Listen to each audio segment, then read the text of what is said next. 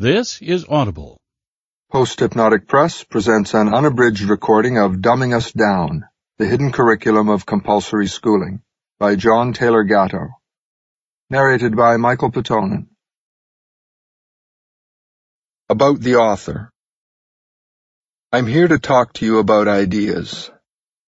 But I think a purpose might be served in telling a little bit about myself, so I become a person like you rather than just another talking head from the television set.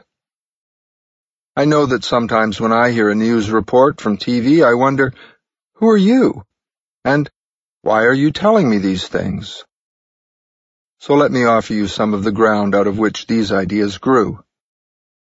I've worked as a New York City school teacher for the past 30 years, teaching for some of that time elite children from Manhattan's Upper West Side between Lincoln Center, where the opera is, and Columbia University, where the defense contracts are. And teaching, in most recent years, children from Harlem and Spanish Harlem whose lives are shaped by the dangerous undercurrents of the industrial city in decay. I've taught at six different schools in that time. My present school is in the shadow of St. John the Divine Cathedral, the largest Gothic structure in the United States and not a long walk from the famous Museum of Natural History and the Metropolitan Museum of Art.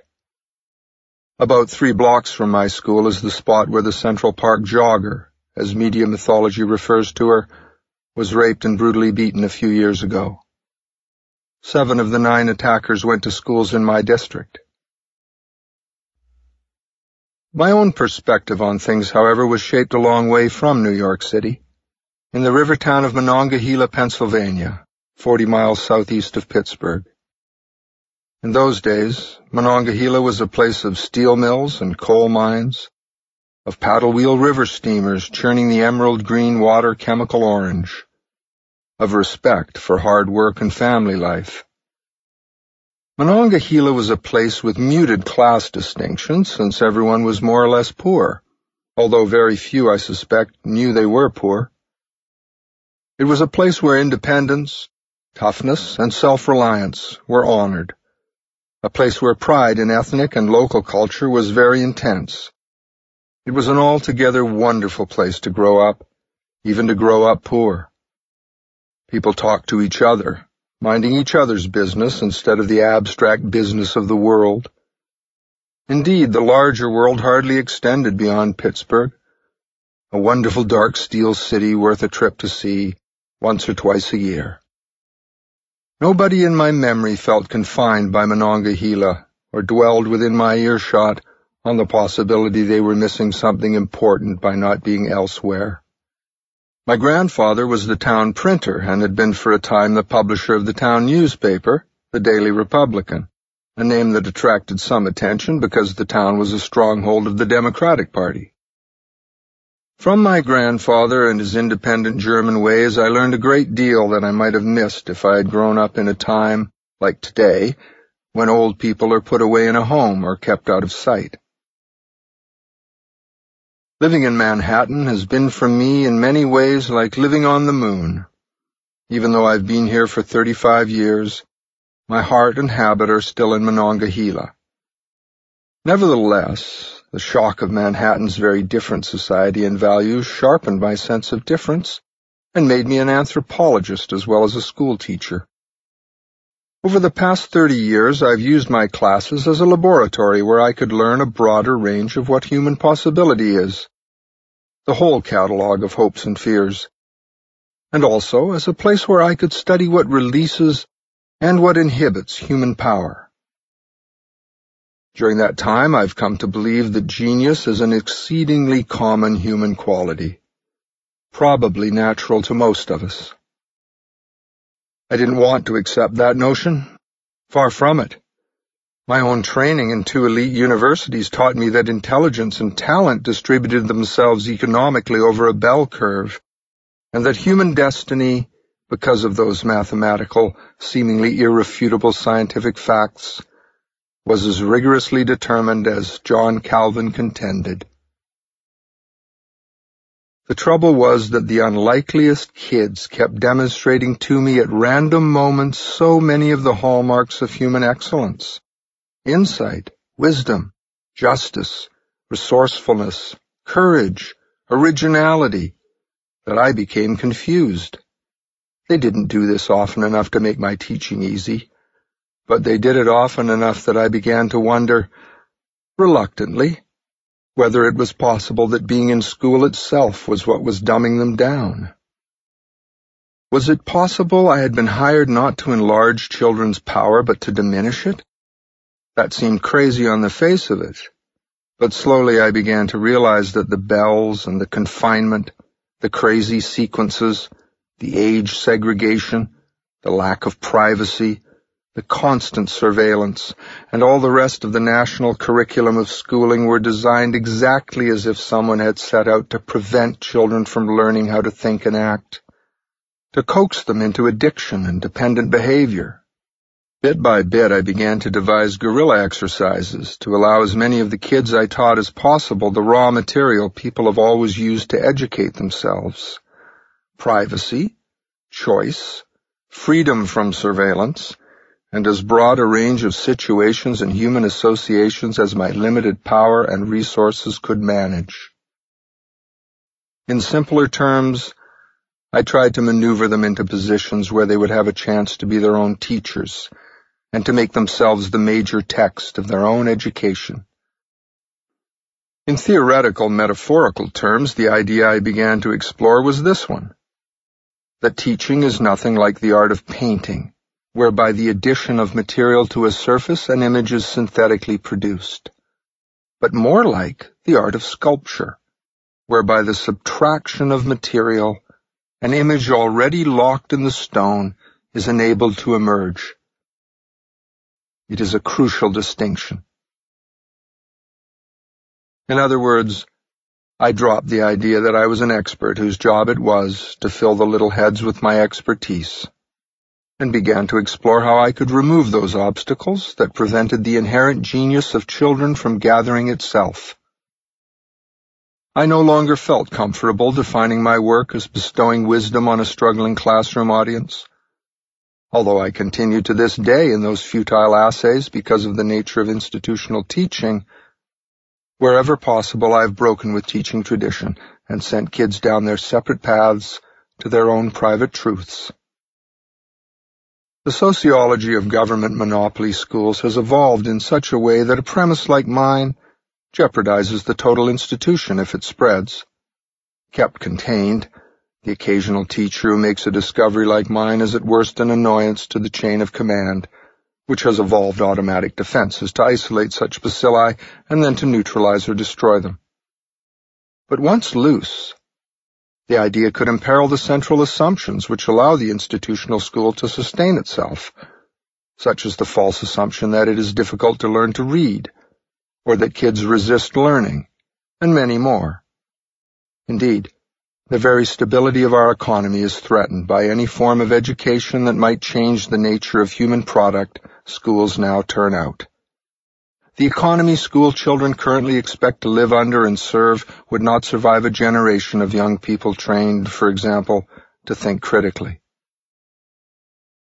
Success in my practice involves a large component of automatic trust, categorical trust, not the kind conditional on performance.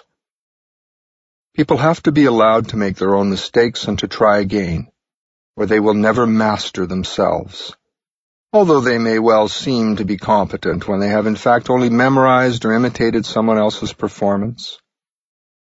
Success in my practice also involves challenging many comfortable assumptions about what is worth learning and out of what material a good life is fashioned. Over the years of wrestling with the obstacles that stand between child and education, I've come to believe that government monopoly schools are structurally unreformable they cannot function if their central myths are exposed and abandoned. Over the years, I've come to see that whatever I thought I was doing as a teacher, most of what I actually was doing was teaching an invisible curriculum that reinforced the myths of the school institution and those in an economy based on caste. When I was trying to decide what to say to you that might make my experience as a school teacher useful, it occurred to me that I could best serve by telling you what I do that is wrong, rather than what I do that is right. What I do that is right is simple to understand. I get out of kids' way. I give them space and time and respect. What I do that is wrong, however, is strange, complex, and frightening. Let me begin to show you what that is. Chapter 1 The Seven Lesson Schoolteacher This speech was given on the occasion of the author being named New York State Teacher of the Year for 1991. 1. Call me Mr. Gatto, please. Thirty years ago, having nothing better to do with myself at the time, I tried my hand at school teaching. The license I have certifies that I am an instructor of English language and English literature, but that isn't what I do at all. I don't teach English. I teach school, and I win awards doing it. Teaching means different things in different places. But seven lessons are universally taught from Harlem to Hollywood Hills. They constitute a national curriculum you pay for in more ways than you can imagine, so you might as well know what it is. You are at liberty, of course, to regard these lessons any way you like, but believe me when I say I intend no irony in this presentation. These are the things I teach. These are the things you pay me to teach. Make of them what you will. 1. Confusion. A lady named Kathy wrote this to me from Dubois, Indiana the other day. What big ideas are important to little kids? Well, the biggest idea I think they need is that what they are learning isn't idiosyncratic, that there is some system to it all and it's not just raining down on them as they helplessly absorb. That's the task, to understand, to make coherent. Kathy has it wrong. The first lesson I teach is confusion. Everything I teach is out of context. I teach the unrelating of everything. I teach disconnections. I teach too much. The orbiting of planets, the law of large numbers, slavery, adjectives, architectural drawing, dance, gymnasium, choral singing, assemblies, surprise guests, fire drills, computer languages, parents' nights, staff development days, pull-out programs, guidance with strangers my students may never see again, standardized tests, age segregation unlike anything seen in the outside world. What do any of these things have to do with each other? Even in the best schools, a close examination of curriculum and its sequences turns up a lack of coherence, a host of internal contradictions. Fortunately, the children have no words to define the panic and anger they feel at constant violations of natural order and sequence, fobbed off on them as quality in education. The logic of the school mind is that it is better to leave school with a toolkit of superficial jargon derived from economics, sociology, natural science, and so on, than with one genuine enthusiasm. But quality in education entails learning about something in depth. Confusion is thrust upon kids by too many strange adults, each working alone with only the thinnest relationship with each other, pretending for the most part to an expertise they do not possess. Meaning, not disconnected facts, is what sane human beings seek, and education is a set of codes for processing raw data into meaning. Behind the patchwork quilt of school sequences and the school obsession with facts and theories, the age-old human search for meaning lies well concealed. This is harder to see in elementary school where the hierarchy of school experience seems to make better sense because the good-natured simple relationship between let's do this and let's do that is just assumed to mean something, and the clientele has not yet consciously discerned how little substance is behind the play and pretense. Think of the great natural sequences, like learning to walk and learning to talk the progression of light from sunrise to sunset, the ancient procedures of a farmer, a smithy, or a shoemaker, or the preparation of a Thanksgiving feast. All of the parts are in perfect harmony with each other, each action justifying itself and illuminating the past and the future. School sequences aren't like that. Not inside a single class and not among the total menu of daily classes. School sequences are crazy. There's no particular reason for any of them. Nothing that bears close scrutiny. Few teachers would dare to teach the tools whereby dogmas of a school or a teacher could be criticized, since everything must be accepted. School subjects are learned if they can be learned, like children learn the catechism or memorize the 39 articles of Anglicanism. I teach the unrelating of everything, an infinite fragmentation, the opposite of cohesion, what I do is more related to television programming than to making a scheme of order. In a world where home is only a ghost because both parents work, or because of too many moves or too many job changes or too much ambition, or because something else has left everybody too confused to maintain a family relation, I teach students how to accept confusion as their destiny. That's the first lesson I teach. 2. Class position. The second lesson I teach is class position. I teach that students must stay in the class where they belong. I don't know who decides my kids belong there, but that's not my business. The children are numbered so that if any get away, they can be returned to the right class. Over the years, the variety of ways children are numbered by schools has increased dramatically, until it's hard to see the human beings plainly under the weight of numbers they carry. Numbering children is a big and very profitable undertaking, though what the strategy is designed to accomplish is elusive. I don't even know why parents would, without a fight, allow it to be done to their kids.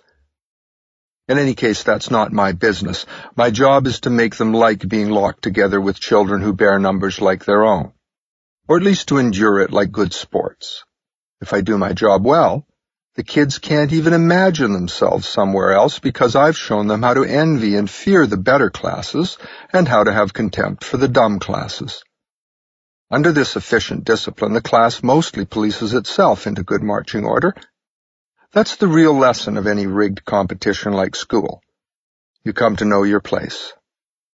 In spite of the overall class blueprint that assumes that 99% of the kids are in their class to stay, I nevertheless make a public effort to exhort children to higher levels of test success, hinting at eventual transfer from the lower class as a reward.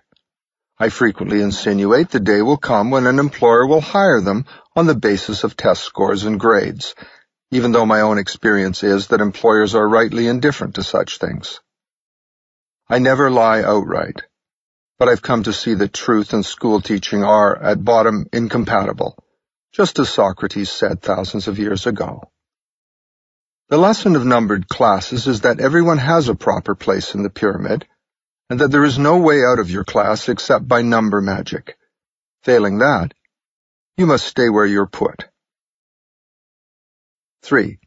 Indifference. The third lesson I teach is indifference. I teach children not to care too much about anything, even though they want to make it appear that they do. How I do this is very subtle. I do it by demanding that they become totally involved in my lessons, jumping up and down in their seats with anticipation, competing vigorously with each other for my favor. It's heartwarming when they do that. It impresses everyone, even me. When I'm at my best, I plan lessons very carefully in order to produce this show of enthusiasm, but when the bell rings, I insist they drop whatever it is we've been doing and proceed quickly to the next workstation. They must turn on and off, like a light switch.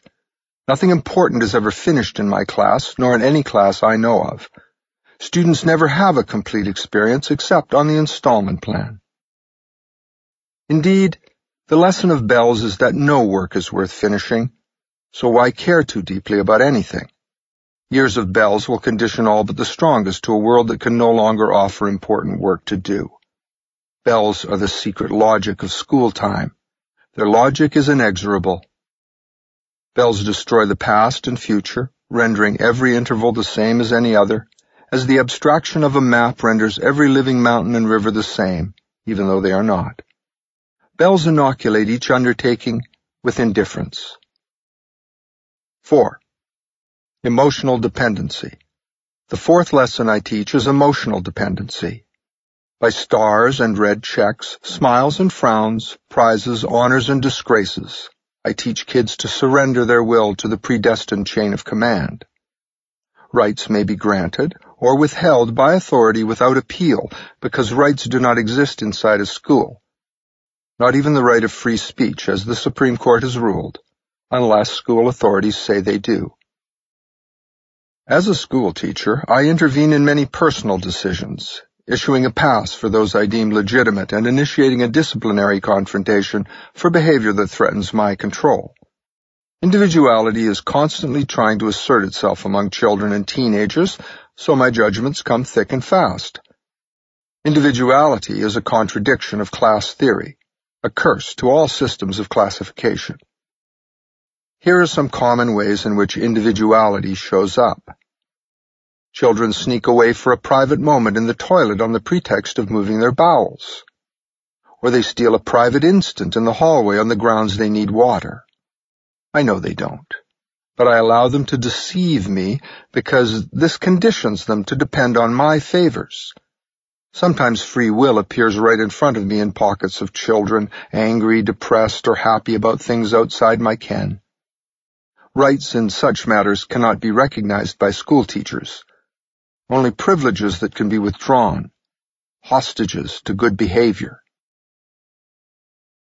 5. Intellectual dependency.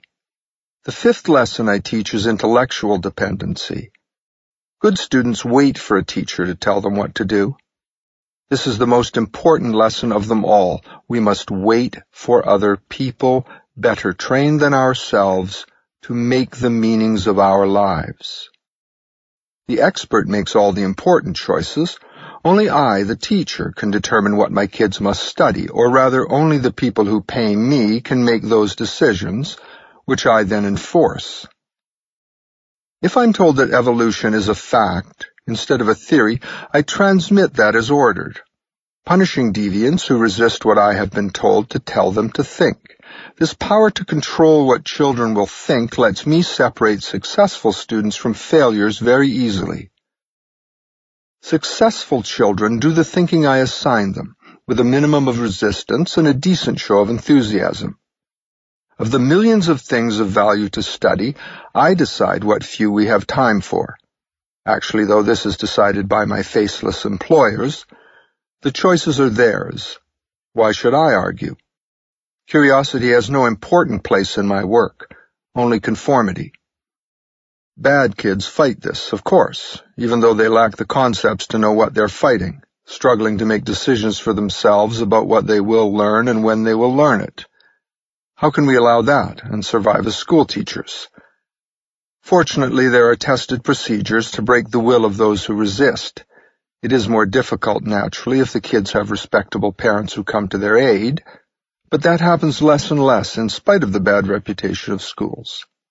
No middle-class parents I have ever met actually believe that their kid's school is one of the bad ones. Not one single parent in many years of teaching. That's amazing, and probably the best testimony to what happens to families when mother and father have been well-schooled themselves, learning the seven lessons. Good people wait for an expert to tell them what to do. It's hardly an exaggeration to say that our entire economy depends upon this lesson being learned. Think of what might fall apart if children weren't trained to be dependent. The social services could hardly survive. They would vanish, I think, into the recent historical limbo out of which they arose. Counselors and therapists would look on in horror as the supply of psychic invalids vanished. Commercial entertainment of all sorts, including television, would wither as people learned again how to make their own fun. Restaurants, the prepared food industry, and a whole host of other assorted food services would be drastically downsized if people returned to making their own meals rather than depending on strangers to plant, pick, chop, and cook for them. Much of modern law, medicine, and engineering would go too, as well as the clothing business and school teaching, unless a guaranteed supply of helpless people continued to pour out of our schools each year. Don't be too quick to vote for radical school reform if you want to continue getting a paycheck. We've built a way of life that depends on people doing what they're told because they don't know how to tell themselves what to do. It's one of the biggest lessons I teach. 6. Provisional self-esteem. The sixth lesson I teach is provisional self-esteem. If you've ever tried to wrestle into line kids whose parents have convinced them to believe they'll be loved in spite of anything, you know how impossible it is to make self-confident spirits conform. Our world wouldn't survive a flood of confident people very long, so I teach that a kid's self-respect should depend on expert opinion. My kids are constantly evaluated and judged. A monthly report, impressive in its provision, is sent into a student's home to elicit approval or mark exactly down to a single percentage point how dissatisfied with the child a parent should be. The ecology of good schooling depends on perpetuating dissatisfaction, just as the commercial economy depends on the same fertilizer. Although some people might be surprised how little time or reflection goes into making up these mathematical records, the cumulative weight of these objective-seeming documents establishes a profile that compels children to arrive at certain decisions about themselves and their futures based on the casual judgment of strangers. Self-evaluation, the staple of every major philosophical system that ever appeared on the planet, is never considered a factor. The lesson of report cards, grades, and tests is that children should not trust themselves or their parents, but should instead rely on the evaluation of certified officials. People need to be told what they are worth. 7. One can't hide. The seventh lesson I teach is that one can't hide. I teach students that they are always watched, that each is under constant surveillance by me and my colleagues, there are no private spaces for children. There is no private time. Class change lasts exactly 300 seconds to keep promiscuous fraternization at low levels. Students are encouraged to tattle on each other or even to tattle on their own parents. Of course, I encourage parents to file reports about their own child's waywardness too. A family trained to snitch on itself isn't likely to conceal any dangerous secrets.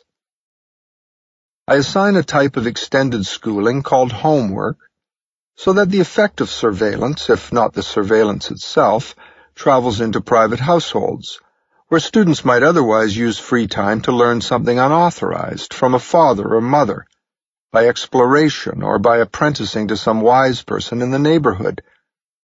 Disloyalty to the idea of schooling is a devil always ready to find work for idle hands. The meaning of constant surveillance, and denial of privacy is that no one can be trusted, that privacy is not legitimate.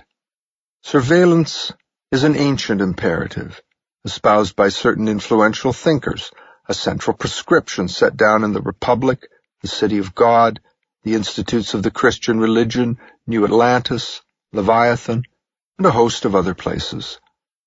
All the childless men who wrote these books discovered the same thing, Children must be closely watched if you want to keep a society under tight central control.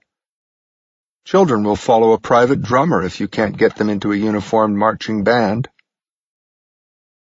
It is the great triumph of compulsory government monopoly mass schooling that among even the best of my fellow teachers and among the best of my students' parents, only a small number can imagine a different way to do things. The kids have to know how to read and write, don't they? They have to know how to add and subtract, don't they? They have to learn to follow orders if they ever expect to keep a job. Only a few lifetimes ago, things were very different in the United States. Originality and variety were common currency. Our freedom from regimentation made us the miracle of the world. Social class boundaries were relatively easy to cross. Our citizenry was marvelously confident inventive, and able to do much for themselves independently and to think for themselves. We were something special, we Americans, all by ourselves, without government sticking its nose into and measuring every aspect of our lives, without institutions and social agencies telling us how to think and feel. We were something special, as individuals, as Americans. But we've had a society essentially under central control in the United States since just after the Civil War. And such a society requires compulsory schooling, government monopoly schooling, to maintain itself. Before this development, schooling wasn't very important anywhere. We had it, but not too much of it, and only as much as an individual wanted. People learned to read, write, and do arithmetic just fine anyway, there are some studies that suggest literacy at the time of the American Revolution, at least for non-slaves on the eastern seaboard, was close to total. Thomas Paine's Common Sense sold 600,000 copies to a population of 3 million, of whom 20% were slaves and 50% indentured servants. Were the colonists geniuses? No. The truth is that reading, writing, and arithmetic only take about 100 hours to transmit as long as the audience is eager and willing to learn. The trick is to wait until someone asks, and then move fast while the mood is on. Millions of people teach themselves these things. It really isn't very hard. Pick up a fifth grade math or rhetoric textbook from 1850, and you'll see that the texts were pitched then on what would today be considered college level. The continuing cry for basic skills practice is a smokescreen behind which schools preempt the time of children for 12 years and teach them the seven lessons I've just described to you. The society that has come increasingly under central control since just before the Civil War shows itself in the lives we lead, the clothes we wear, the food we eat, and the green highway signs we drive by from coast to coast, all of which are the products of this control. So too, I think, are the epidemics of drugs, suicide, divorce, violence, and cruelty, as well as the hardening of class into caste in the United States, products of the dehumanization of our lives, of the lessening of the individual, family, and community importance, a diminishment that proceeds from central control. Inevitably, large compulsory institutions want more and more until there isn't any more to give.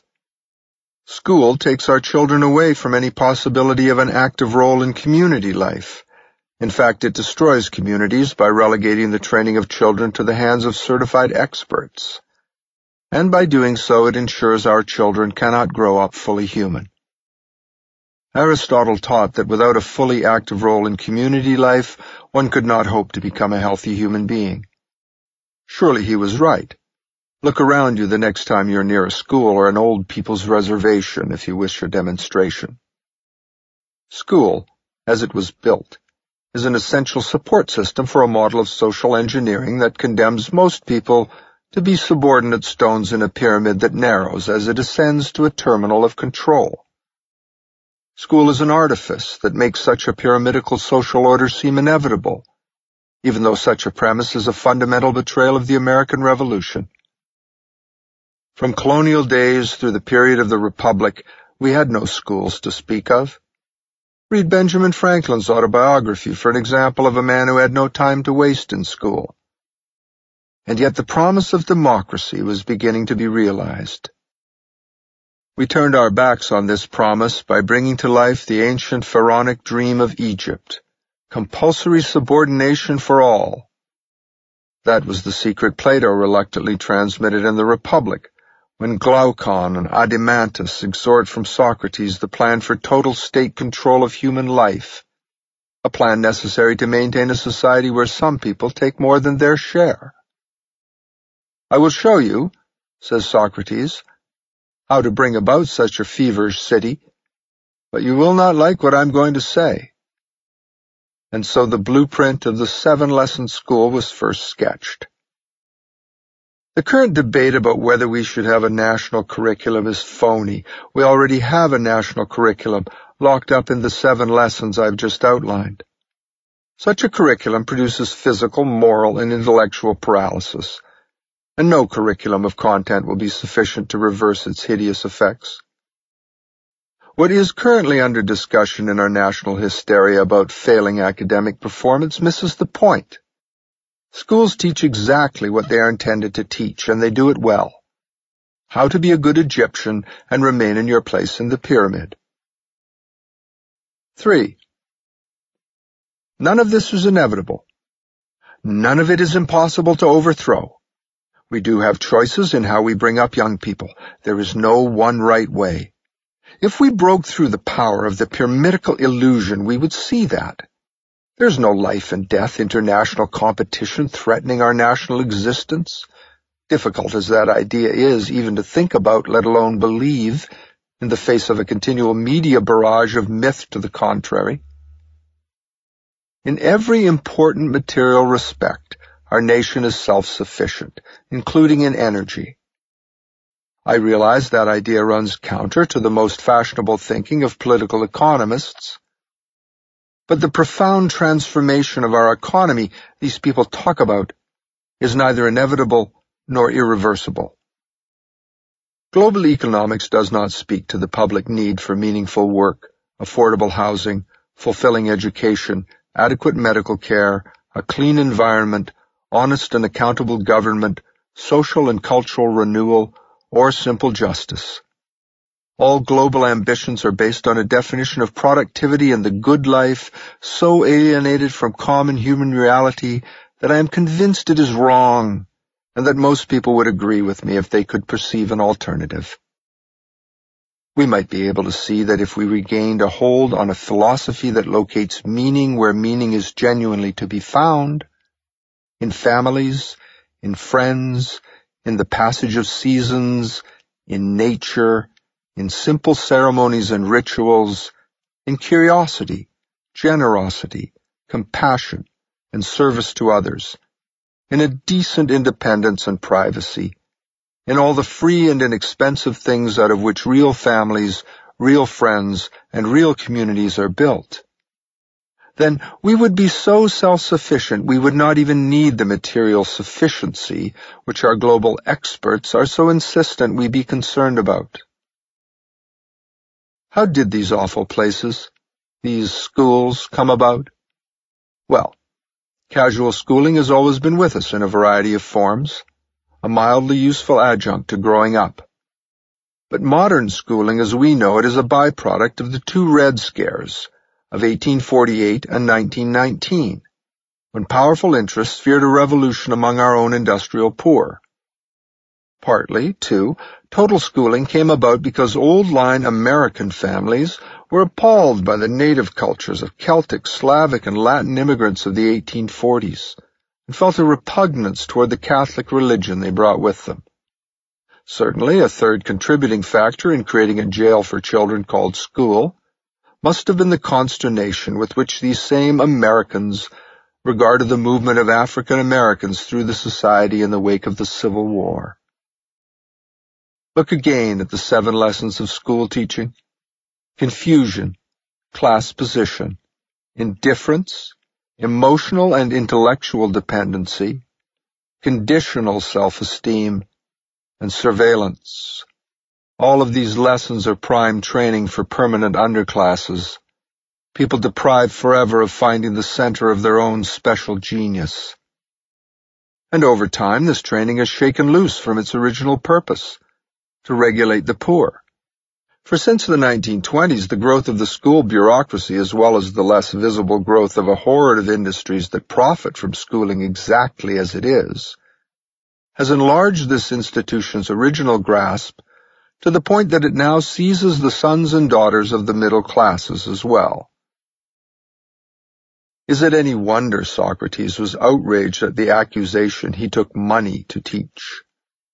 Even then, philosophers saw clearly the inevitable direction the professionalization of teaching would take, that of preempting the teaching function, which in a healthy community belongs to everyone. With lessons like the one I teach day after day, it should be little wonder we have a real national crisis, the nature of which is very different from that proclaimed by the national media. Young people are indifferent to the adult world and to the future, indifferent to almost everything except the diversion of toys and violence. Rich or poor, school children who face the 21st century cannot concentrate on anything for very long. They have a poor sense of time past and time to come.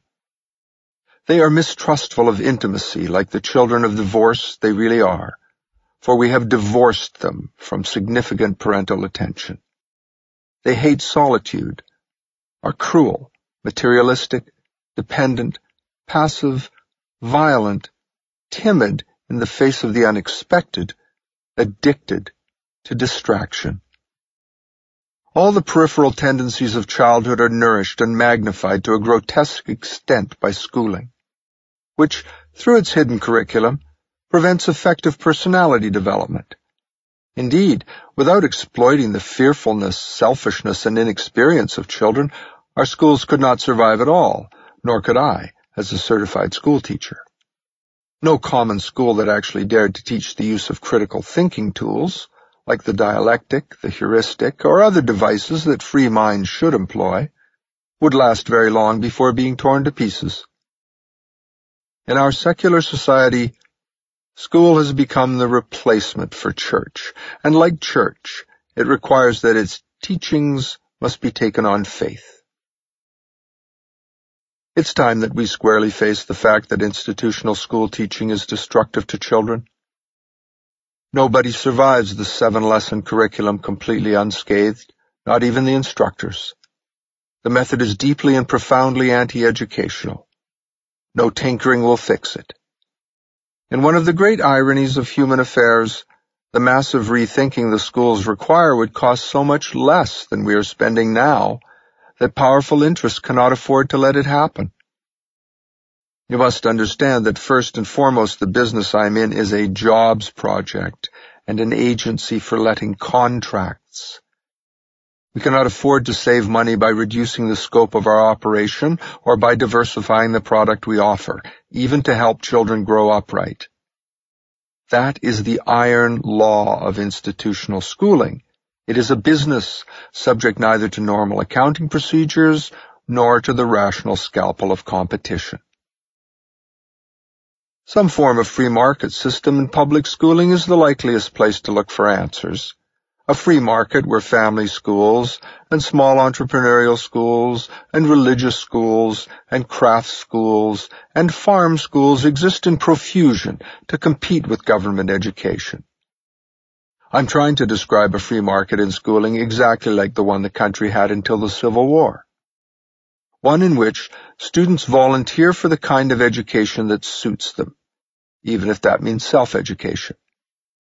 It didn't hurt Benjamin Franklin that I can see. These options exist now in miniature, wonderful survivals of a strong and vigorous past. But they are available only to the resourceful, the courageous, the lucky, or the rich.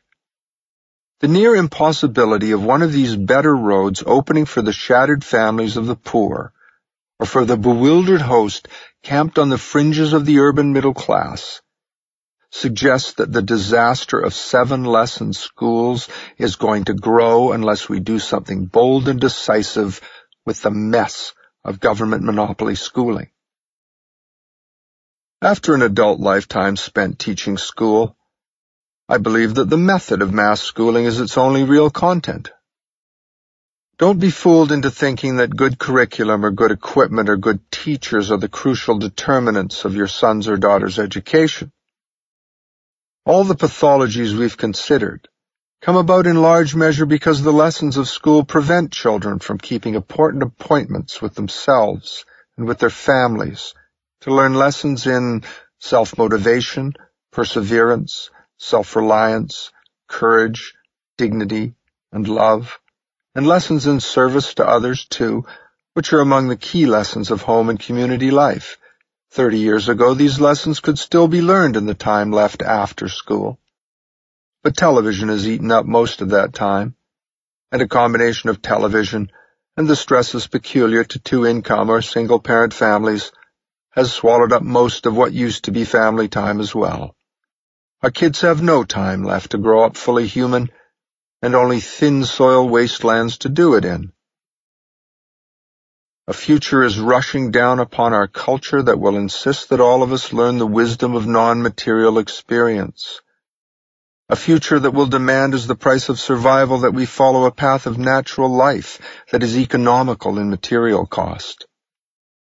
These lessons cannot be learned in schools as they are. School is a 12-year jail sentence where bad habits are the only curriculum truly learned. I teach school and win awards doing it. I should know. Chapter 2 The Psychopathic School This speech was given by the author on the 31st of January 1990 in accepting an award from the New York State Senate, naming him New York City Teacher of the Year. I accept this award on behalf of all the fine teachers I've known over the years who've struggled to make their transactions with children honorable ones, men and women who were never complacent, always questioning, always wrestling to define and redefine what the word education should mean. A teacher of the year is not the best teacher around. Those people are too quiet to be easily uncovered. But she or he is a standard bearer, representative of these private people who spend their lives gladly in the service of children. This is their award as well as mine. 1. We live in a time of great school crisis, linked to an even greater social crisis. Our nation ranks at the bottom of 19 industrial nations in reading, writing, and arithmetic. At the very bottom, the world's narcotic economy is based upon our consumption of this commodity. If we didn't buy so many powdered dreams, the business would collapse. And schools are an important sales outlet. Our teenage suicide rate is the highest in the world, and suicidal kids are rich kids for the most part not the poor. In Manhattan, 70% of all new marriages last less than five years. So something is wrong for sure. This great crisis that we witness in our schools is interlinked with a greater social crisis in the community. We seem to have lost our identity. Children and old people are penned up and locked away from the business of the world to a degree without precedent. Nobody talks to them anymore. And without children and old people mixing in daily life, a community has no future and no past, only a continuous present. In fact, the term community hardly applies to the way we interact with each other. We live in networks, not communities, and everyone I know is lonely because of that. School is a major actor in this tragedy, as it is a major actor in the widening gulf among social classes. Using school as a sorting mechanism, we appear to be on the way to creating a caste system, complete with untouchables who wander through subway trains begging and who sleep upon the streets. I've noticed a fascinating phenomenon in my 30 years of teaching. Schools and schooling are increasingly irrelevant to the great enterprises of the planet. No one believes anymore that scientists are trained in science classes or politicians in civics classes or poets in English classes. The truth is that schools don't really teach anything except how to obey orders.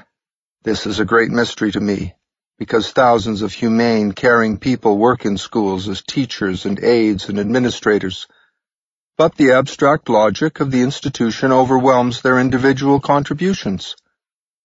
Although teachers do care and do work very, very hard, the institution is psychopathic. It has no conscience. It rings a bell and the young man in the middle of writing a poem must close his notebook and move to a different cell where he must memorize that humans and monkeys derive from a common ancestor. 2. Our form of compulsory schooling is an invention of the state of Massachusetts around 1850. It was resisted, sometimes with guns, by an estimated 80% of the Massachusetts population, the last outpost in Barnstable on Cape Cod not surrendering its children until the 1880s, when the area was seized by militia and children marched to school under guard. Now here is a curious idea to ponder. Senator Ted Kennedy's office released a paper not long ago claiming that prior to compulsory education, the state literacy rate was 98%, and after it, the figure never exceeded 91% where it stands in 1990. Here's another curiosity to think about. The homeschooling movement has quietly grown to a size where one and a half million young people are being educated entirely by their own parents. Last month, the Education Press reported the amazing news that in their ability to think, Children schooled at home seem to be five or even ten years ahead of their formally trained peers. 3. I don't think we'll get rid of schools anytime soon, certainly not in my lifetime, but if we're going to change what's rapidly becoming a disaster of ignorance, we need to realize that the school institution schools very well, though it does not educate. That's inherent in the design of the thing. It's not the fault of bad teachers or too little money spent. It's just impossible for education and schooling ever to be the same thing. Schools were designed by Horace Mann and by Sears and Harper of the University of Chicago and by Thorndike of Columbia Teachers College and by some other men to be instruments for the scientific management of mass population. Schools are intended to produce, through the application of formulas, formulaic human beings whose behavior can be predicted and controlled. To a very great extent, schools succeed in doing this.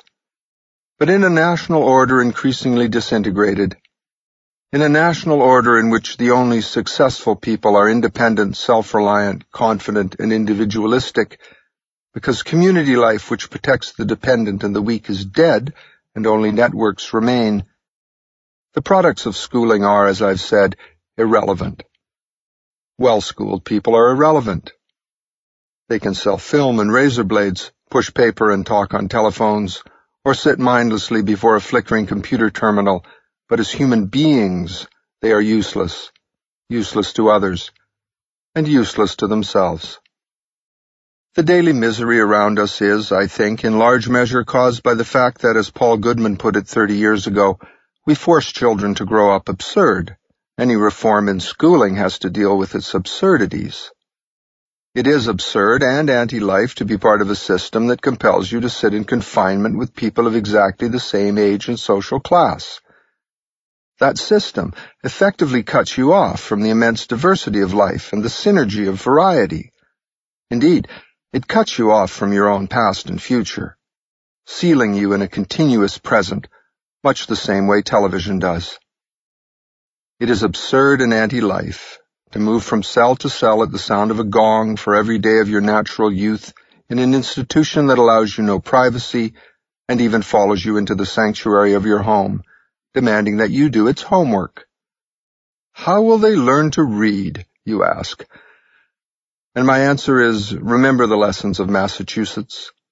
When children are given whole lives instead of age-graded ones in cell blocks, they learn to read, write, and do arithmetic with ease, if those things make sense in the kind of life that unfolds around them. But keep in mind that in the United States, almost nobody who reads, writes, or does arithmetic gets much respect. We are a land of talkers. We pay talkers the most, and admire talkers the most, and so our children talk constantly, following the public models of television and school teachers. It's very difficult to teach the basics anymore because they really aren't basic to the society we've made. 4. Two institutions at present control our children's lives. Television and schooling in that order. Both of these reduce the real world of wisdom, fortitude, temperance, and justice to a never-ending non-stop abstraction. In centuries past, the time of childhood and adolescence would have been occupied in real work, real charity, real adventures, and the realistic search for mentors who might teach what you really wanted to learn. A great deal of time was spent in community pursuits, practicing affection, meeting and studying every level of the community, learning how to make a home, and dozens of other tasks necessary to becoming a whole man or woman. But here is the calculus of time the children I teach must deal with. Out of the 168 hours in each week, my children sleep 56. That leaves them 112 hours a week out of which to fashion a self. According to recent reports, children watch 55 hours of television a week. That then leaves them 57 hours a week in which to grow up. My children attend schools 30 hours a week, use about 8 hours getting ready for and traveling to and from school, and spend an average of seven hours a week in homework, a total of 45 hours. During that time, they're under constant surveillance. They have no private time or private space and are disciplined if they try to assert individuality in the use of time or space. That leaves them 12 hours a week, out of which to create a unique consciousness. Of course, my kids eat too, and that takes some time. Not much, because they've lost the tradition of family dining. But if we allot three hours a week to evening meals, we arrive at a net amount of private time for each child of nine hours per week. It's not enough, is it?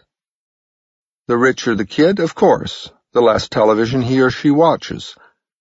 But the rich kid's time is just as narrowly prescribed by a somewhat broader catalog of commercial entertainments and the inevitable assignment to a series of private lessons in areas seldom of his or her own choice.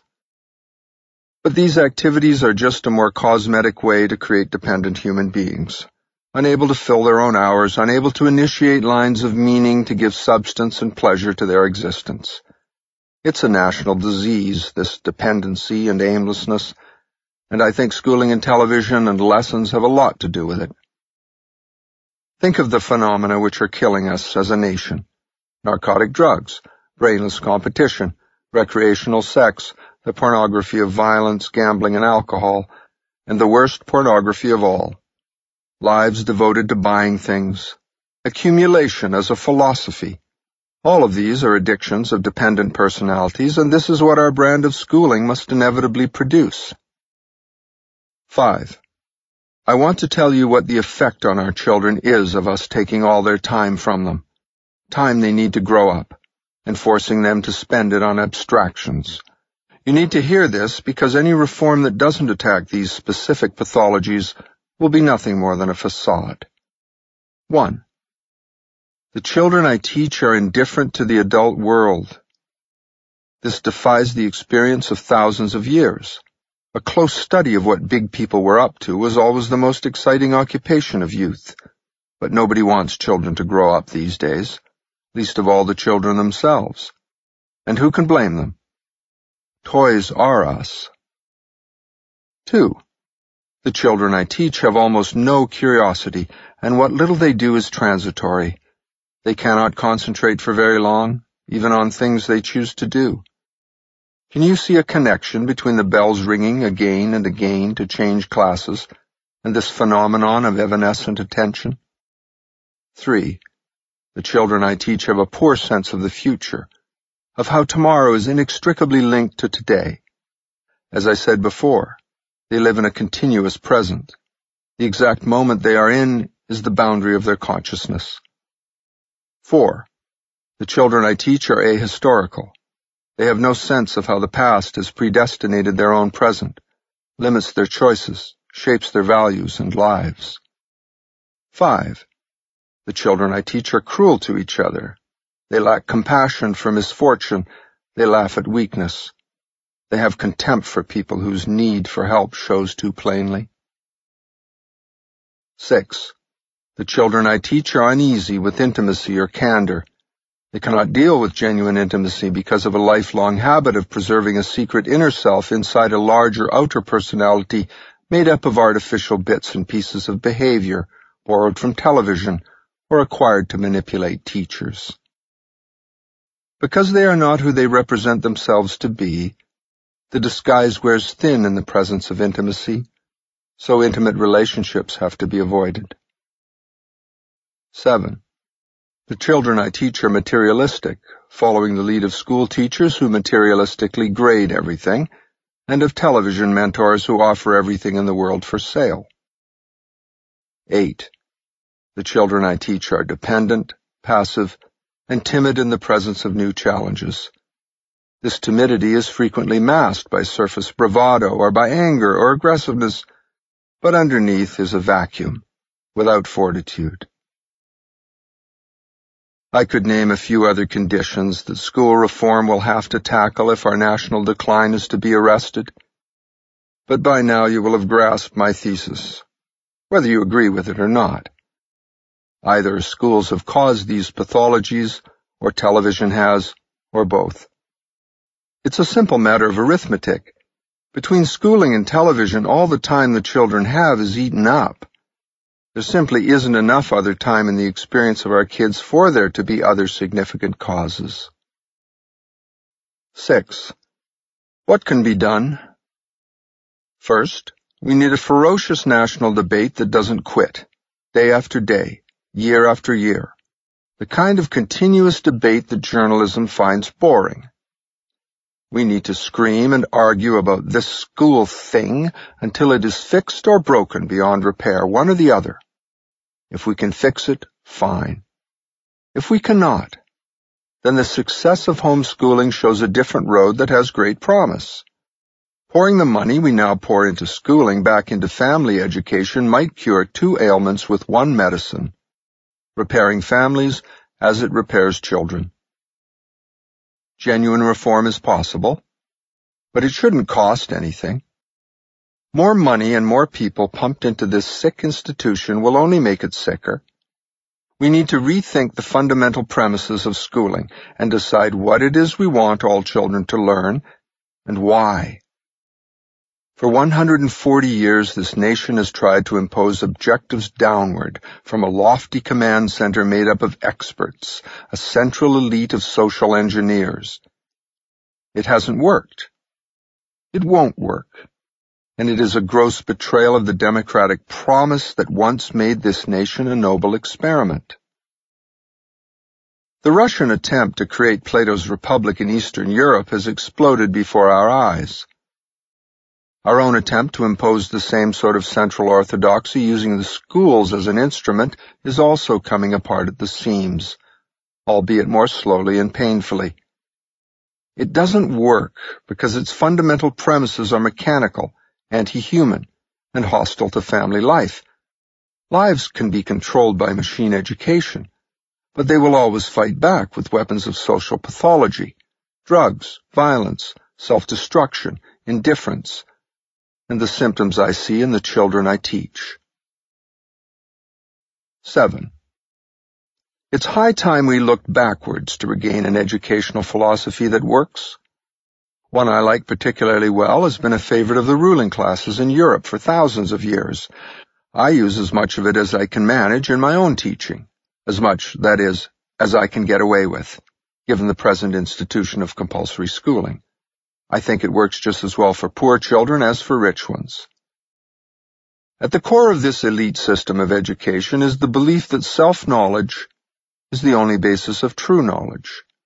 Everywhere in this system, at every age, you will find arrangements that work to place the child alone, in an unguided setting, with a problem to solve.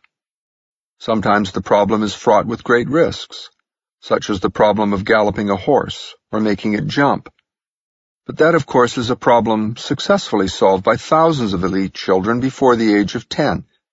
Can you imagine anyone who had mastered such a challenge ever lacking confidence in his ability to do anything?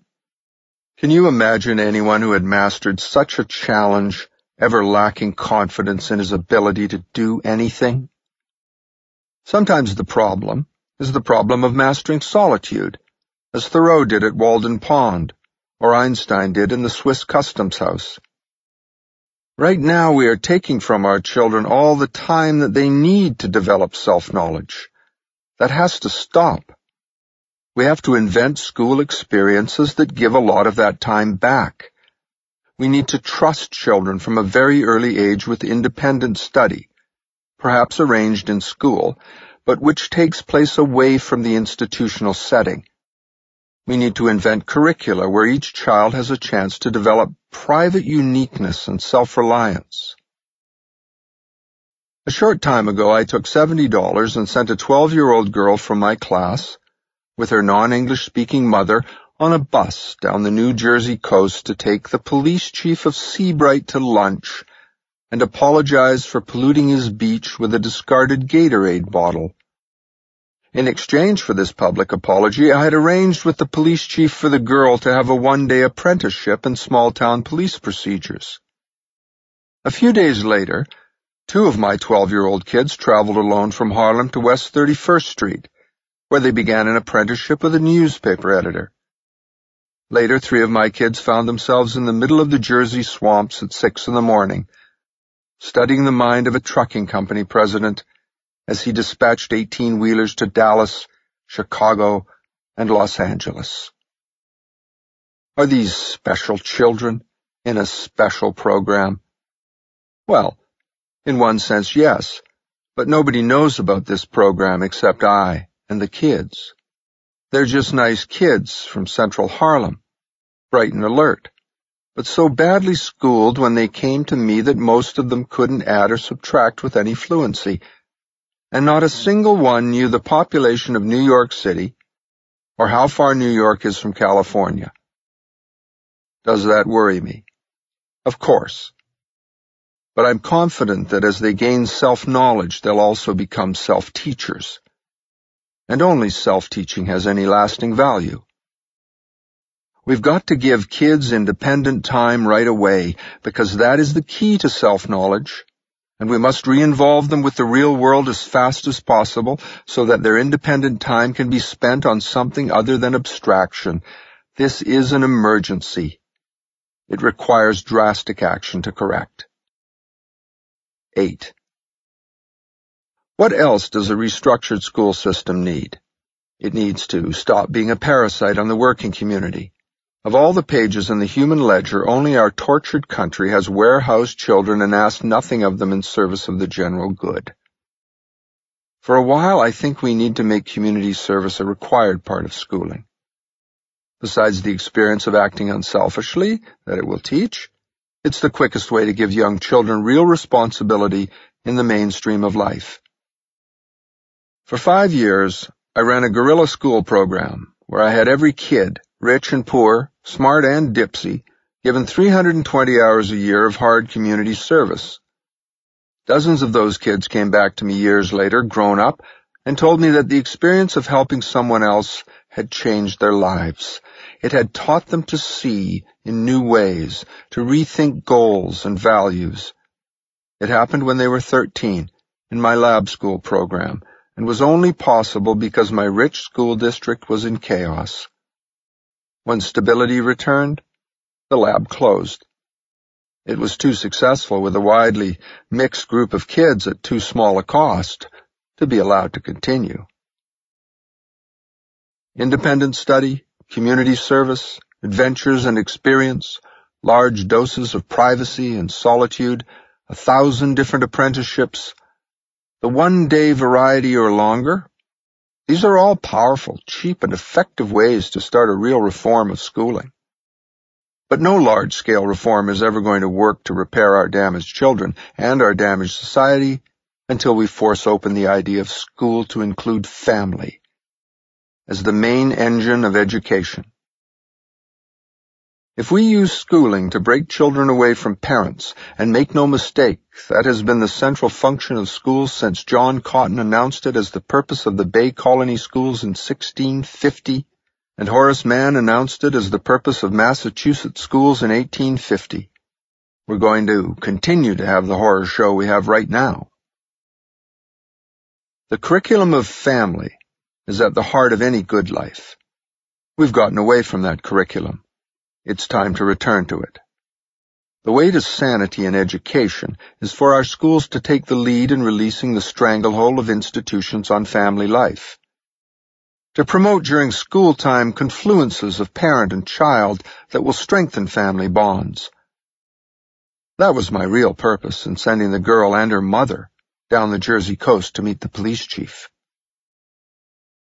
I have many ideas for formulating a family curriculum and my guess is that a lot of you have many ideas too. Our greatest problem in getting the kind of grassroots thinking going that could reform schooling is that we have large vested interests preempting all the airtime and profiting from schooling as it is, despite their rhetoric to the contrary. We have to demand that new voices and new ideas get a hearing. My ideas. And yours. We've all had a belly full of authorized voices mediated by television and the press. A decade-long free-for-all debate is what is called for now. Not any more expert opinions. Experts in education have never been right. Their solutions are expensive and self-serving and always involve further centralization. We've seen the results. It's time for a return to democracy, individuality, and family.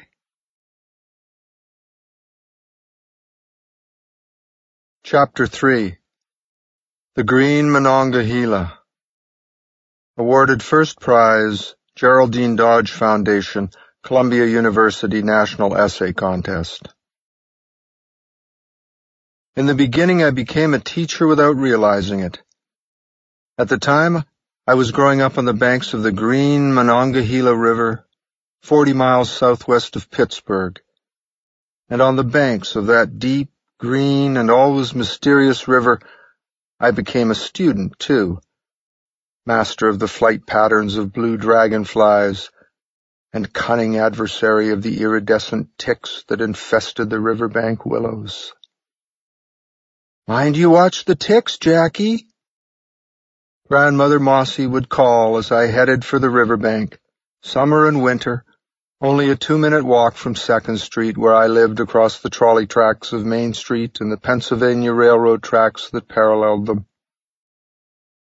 I watched the red and yellow ticks chewing holes in the pale green leaves as I ran to the riverbank. On the river, I drank my first Iron City at eight, smoked every cigarette obtainable, and watched dangerous men and women make love there at night on blankets, all before I was twelve. It was my laboratory. I learned to watch closely and draw conclusions there. How did the river make me a teacher? Listen, it was alive with paddle wheel steamers in center channel, the turning paddles churning up clouds of white spray, making the green river boil bright orange where its chemical undercurrent was troubled. From shore you could clearly hear the loud thump, thump, thump on the water. From all over town young boys ran, gazing in awe, a dozen times a day. No one ever became indifferent to these steamers because nothing important can ever really be boring. You can see the difference, can't you? Between those serious boats and the truly boring spacecraft of the past few decades, just flying junk without a purpose a boy can believe in. It's hard to feign an interest even now that I teach for a living and would like to pretend for the sake of the New York kids who won't have paddle wheelers in their lives.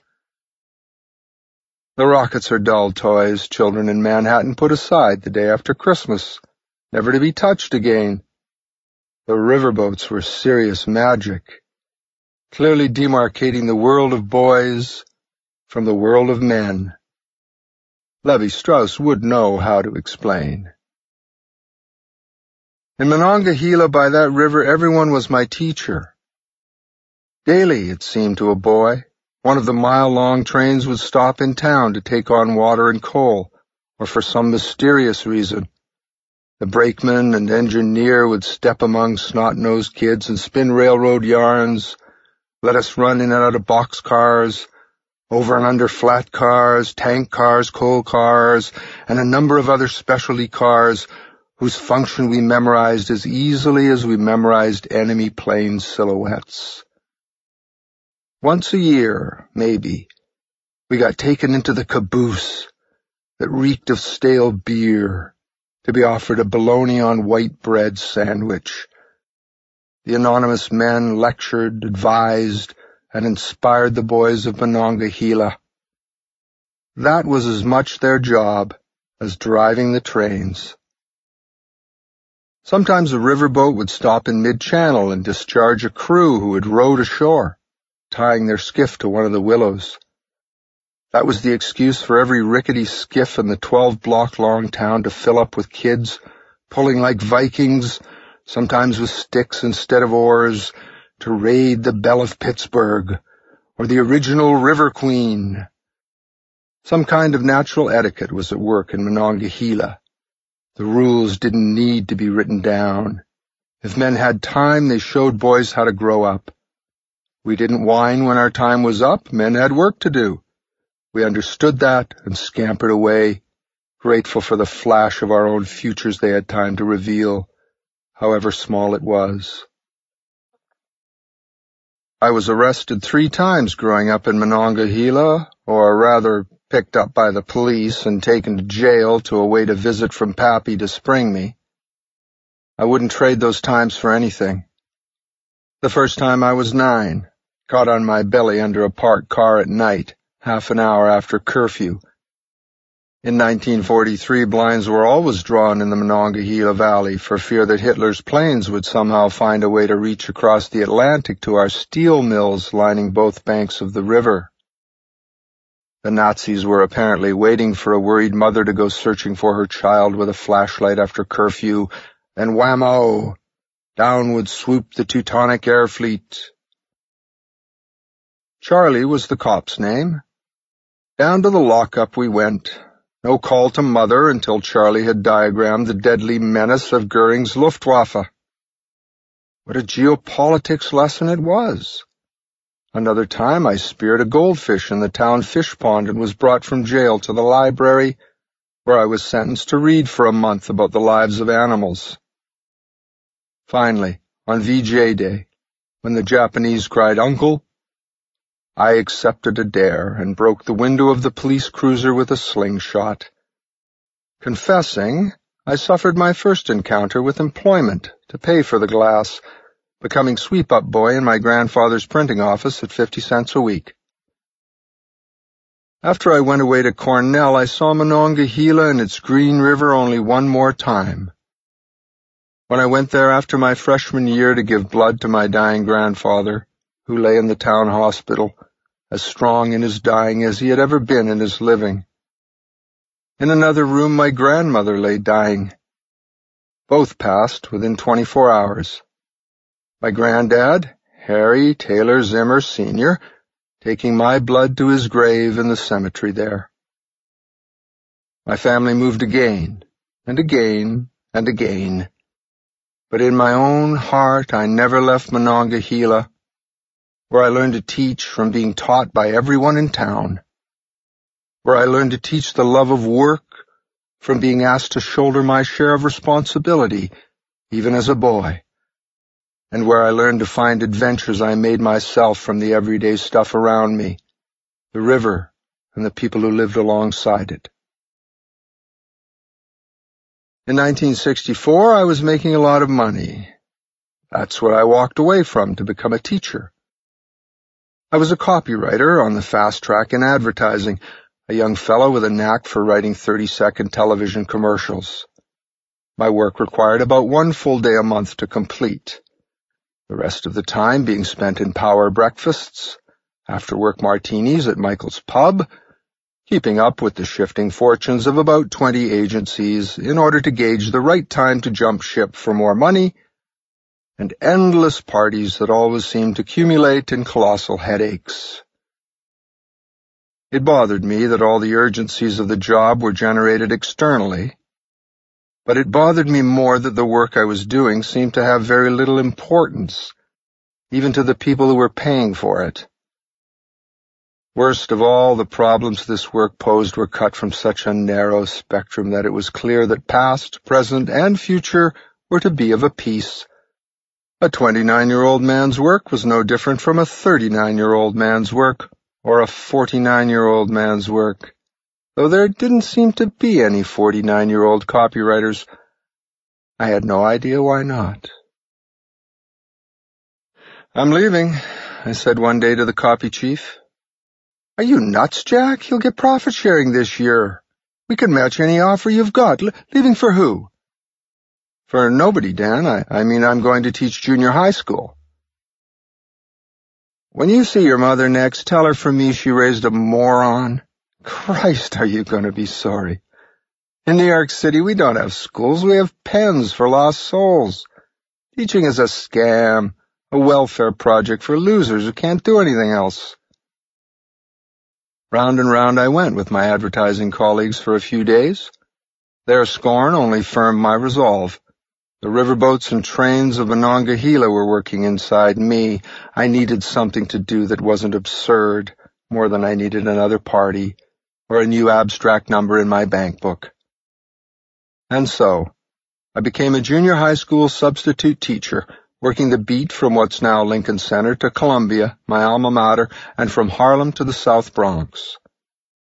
After three months, the dismal working conditions, the ugly rooms, the torn books, the repeated instances of petty complaints from authorities, the bells, the buzzers, the drab teacher food in the cafeterias, the unpressed clothing, the inexplicable absence of conversation about children among the teachers, to this day, after 30 years in the business, I can honestly say I have never once heard an extended conversation about children or about teaching theory in any teacher's room I've been in. Had just about done me in. In fact, on the very first day I taught, I was attacked by a boy waving a chair above his head. It happened in the infamous junior high school Wadleigh on 113th Street. I was given the eighth grade typing class, 75 students and typewriters, with this one injunction. Under no circumstances are you to allow them to type. You lack the proper license. Is that understood? A man named Mr. Bash said that to me. It couldn't have taken more than 60 seconds from the time I closed the door and issued the order not to type for 150 hands to snake under the typewriter covers and begin to type. But not all at once. That would have been too easy. First, three machines began to clack-clack from the right rear. Quick, who are the culprits? I would race to the corner, screaming stop, when suddenly behind my back three other machines would begin. Whirling as only a young man can do, I caught one small boy in the act. Then, to a veritable symphony of machines clicking, bells ringing, platens being thrown, I hoisted the boy from his chair and announced at the top of my foolish lungs that I would make an example of this miscreant. Look out! a girl shouted, and I turned toward her voice just in time to see a large brother of the little fellow I held heading toward me with a chair raised above his head. Releasing his brother, I seized a chair myself and raised it aloft. A standoff. We regarded each other at a distance of about ten feet for what seemed forever, the class jeering and howling. When the room door opened, an assistant principal Bash, the very man who'd given the no-typing order, appeared. Mr. Gatto, have these children been typing? Uh, no, sir, I said, lowering my chair but I think they want to. What do you suggest they do instead? He looked at me for signs of impudence or insubordination for a second, then, as if thinking better of rebuking this upstart, he said merely, Fall back on your resources, and left the room. Most of the kids laughed. They had seen this drama enacted before. The situation was diffused, but silently I dubbed Wadleigh the Death School. Stopping by the office on my way home, I told the secretary not to call me again if they needed a sub. The very next day, my phone rang at 6.30. Are you available for work today, Mr. Gatto? said the voice briskly. Who is this? I asked suspiciously. Ten schools were using me for sub work in those days, and each identified itself at once. The law clearly states, Mr. Gatto, that we do not have to tell you who we are until you tell us whether you are available for work. Never mind, I bellowed. There's only one school that pulls such crap. The answer's no. I'm never available to work in your pigpen school. And I slammed the receiver back onto its cradle. But the truth was none of the sub-assignments were boat rides. Schools had an uncanny habit of exploiting substitutes and providing no support for their survival. It's likely I'd have returned to advertising if a little girl, desperate to free herself from an intolerable situation, hadn't drawn me into her personal school nightmare and shown me how I could find my own significance in teaching. Just as those strong men in the riverboats and trains had found their own significance, a currency all of us need for our self-esteem. It happened this way. Occasionally I'd get a call from an elementary school. This particular day it was a third grade assignment at a school on 107th Street, which in those days was nearly 100% non-Hispanic in its teaching staff and 99% Hispanic in its student body. Like many desperate teachers, I lolled most of the day listening to the kids read one after another and expending most of my energy trying to shut the audience up. This class had a very low ranking, and no one was able to put more than three or four words together without stumbling. All of a sudden, though, a little girl named Milagros sailed through a selection without a mistake. After class, I called her over to my desk and asked why she was in this class of bad readers. She replied that they, the administration, wouldn't let her out because, as they explained to her mother, she was really a bad reader who had fantasies of being a better reader than she was. But look, Mr. Gatto, my brother is in the sixth grade and I can read every word in his English book better than he can. I was a little intrigued but truthfully, not much. Surely the authorities knew what they were doing. Still, the little girl seemed so frustrated. I invited her to calm down and read to me from the sixth grade book. I explained that if she did well, I would take her case to the principal. I expected nothing. Milagros, on the other hand, expected justice. Diving into the devil and Daniel Webster, she polished off the first two pages without a gulp. My God, I thought, this is a real reader. What is she doing here? Well, maybe it was a simple accident, easily corrected. I sent her home, promising to argue her case. Little did I suspect what a hornet's nest my request to have Milagros move to a better class would stir up. You have some nerve, Mr. Gatto. I can't remember when a substitute ever told me how to run my school before. Have you taken specialized courses in reading? No. Well, then, suppose you leave these matters to the experts. But the kid can read. What do you suggest? I suggest you test her, and if she isn't a dummy, get her out of the class she's in. I don't like your tone. None of our children are dummies, Mr. Gatto. And you will find that girls like Milagros have many ways to fool amateurs like yourself. This is a matter of a child having memorized one story. You can see if I had to waste my time arguing with people like you, I'd have no time left to run a school. But strangely, I felt self-appointed as the girl's champion, even though I'd probably never see her again. I insisted, and the principal finally agreed to test Milagros herself the following Wednesday after school. I made it a point to tell the little girl the next day. By that time, I'd come to think that the principal was probably right. She'd memorized one story. But I still warned her she'd need to know the vocabulary from the whole advanced reader and be able to read any story the principal picked without hesitation. My responsibility was over, I told myself. The following Wednesday after school, I waited in the room for Milagros' ordeal to be over. At 3.30, she shyly opened the door of the room. How'd it go? I asked. I don't know, she answered, but I didn't make any mistakes. Miss Hefferman was very angry, I could tell. I saw Mrs. Hefferman, the principal, early the next morning before school opened. Seems we've made a mistake with Milagros, she said curtly. She will be moved, Mr. Gatto. Her mother has been informed. Several weeks later, when I got back to the school to sub, Milagros dropped by, telling me she was in the fast class now and doing very well. She also gave me a sealed card. When I got home that night, I found it unopened in my suit coat pocket. I opened it and saw a gaudy birthday card with blue flowers on it. Opening the card, I read, A teacher like you cannot be found. Signed, Your student, Milagros. That simple sentence made me a teacher for life.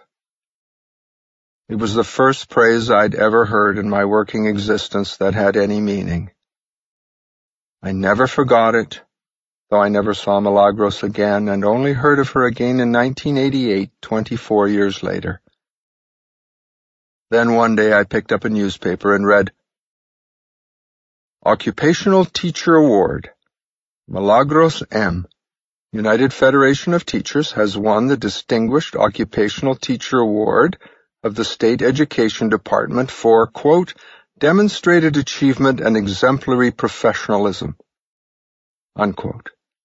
A secretarial studies teacher at Norman Thomas High School, New York City, from which she graduated, Miss M was selected as a Manhattan Teacher of the Year in 1985 and was nominated the following year for the Woman of Conscience Award given by the National Council of Women. Ah, Milagros.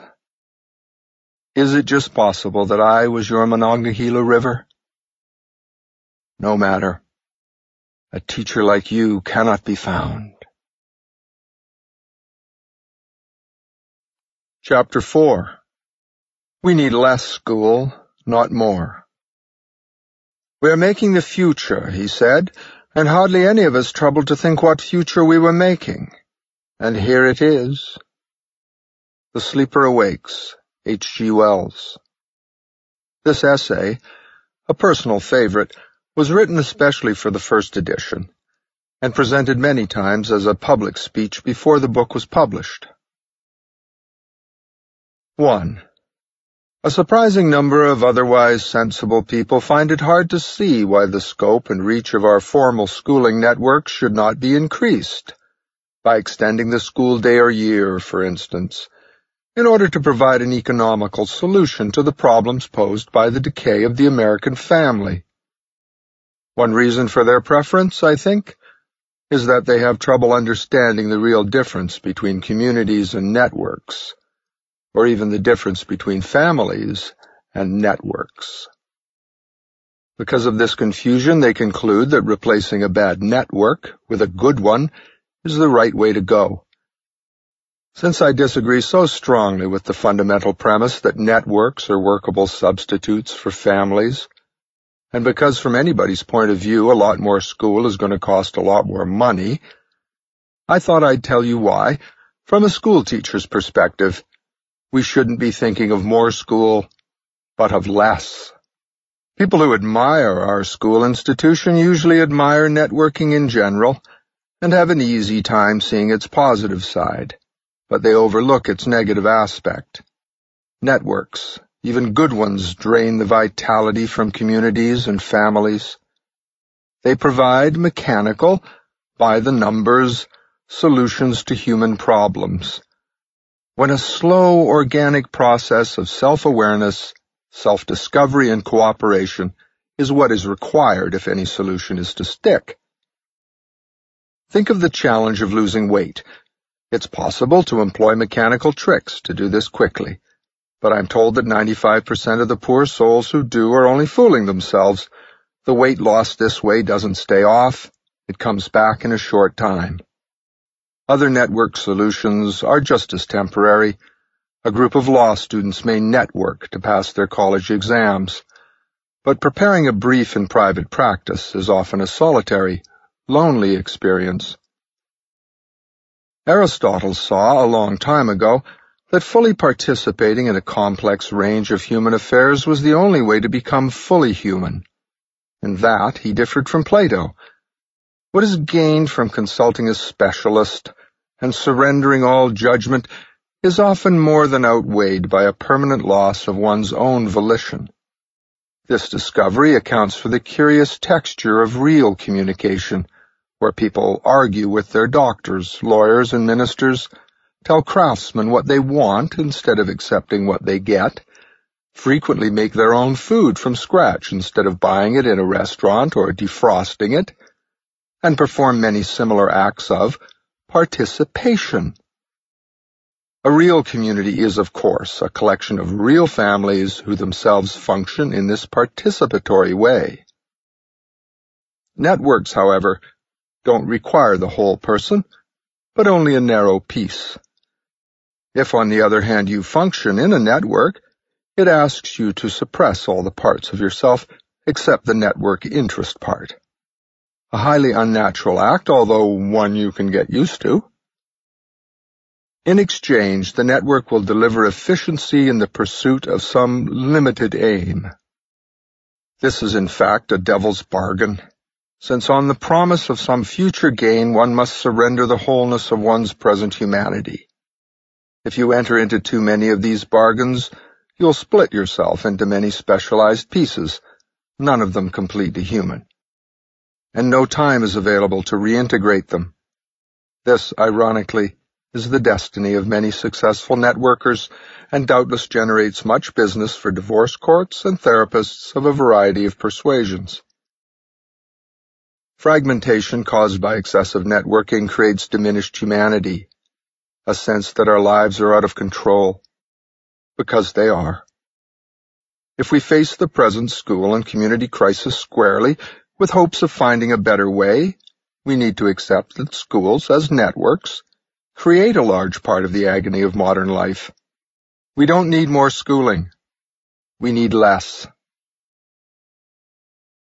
I expect you'll want some proof of that, even though the million or so people participating in education at home these days have begun to nibble at the edge of everybody's consciousness and promise to bite their way into national attention when details of their success gets around a little more. For those of you who haven't heard that you don't need officially certified teachers in officially certified schools to get a good education, let me try to expose some of the machinery that makes certified schooling so bad. And remember, if you're thinking, but it's always been that way, it really hasn't. Compulsory schooling in factory schools is a very recent, very Massachusetts, New York development. Remember, too, that until 30-odd years ago you could escape mass schooling after school. Now it is much harder to escape because another form of mass schooling, television, has spread all over the place to blot up any attention spared by school. So, what was merely grotesque in our national treatment of the young before 1960 has become tragic, now that mass commercial entertainment, as addictive as any other hallucinogenic drug, has blocked the escape routes from mass schooling. It is in fact generally ignored when considering the communal nature of institutional families like schools, large corporations, colleges, armies, hospitals, and government agencies, that they are not real communities at all, but networks. Unlike communities, networks, as I reminded you, have a very narrow way of allowing people to associate, and that way is always across a short spectrum of one or at the most a few specific uniformities. In spite of ritual moments like the Christmas party or the office softball game, when individual human components in the network go home, they go home alone. And in spite of humanitarian support from fellow workers that eases emergencies, when people in networks suffer, they suffer alone unless they have a family or community to suffer with them. Even with college dorm communities, those most engaging and intimate simulations of community imaginable, who among us has not experienced the awful realization after graduation that we cannot remember our friends' names or faces very well? Or who, if we can remember, feels much desire to renew those associations? It is a puzzling development, as yet poorly understood, that the caring in networks is in some important way feigned.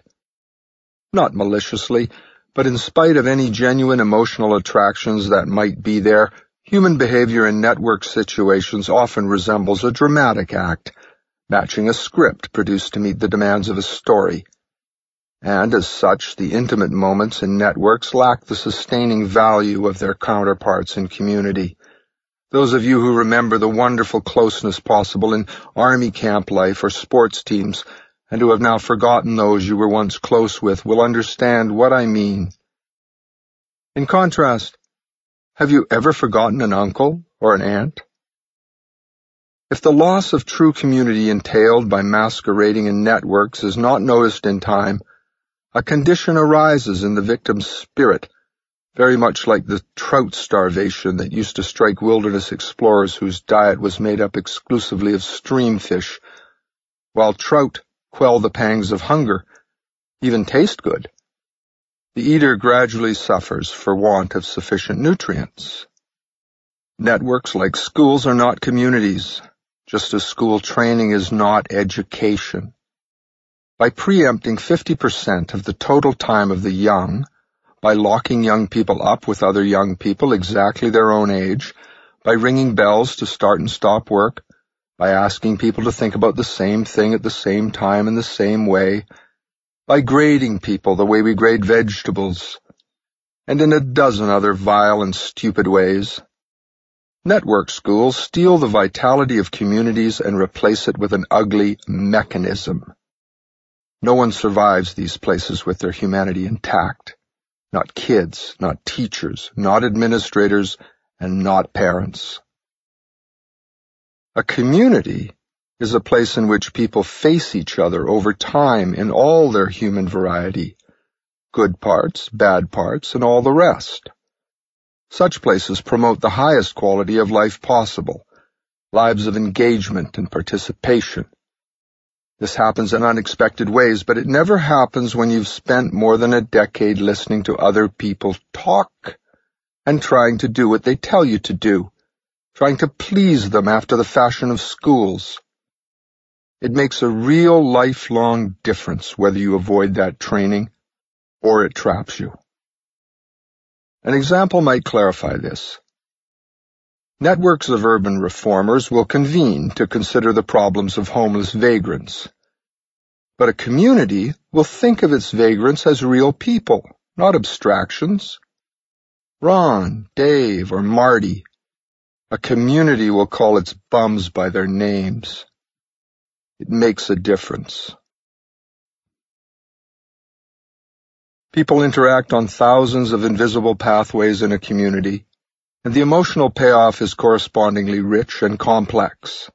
But networks can only manage a cartoon simulation of community and provide a very limited payoff.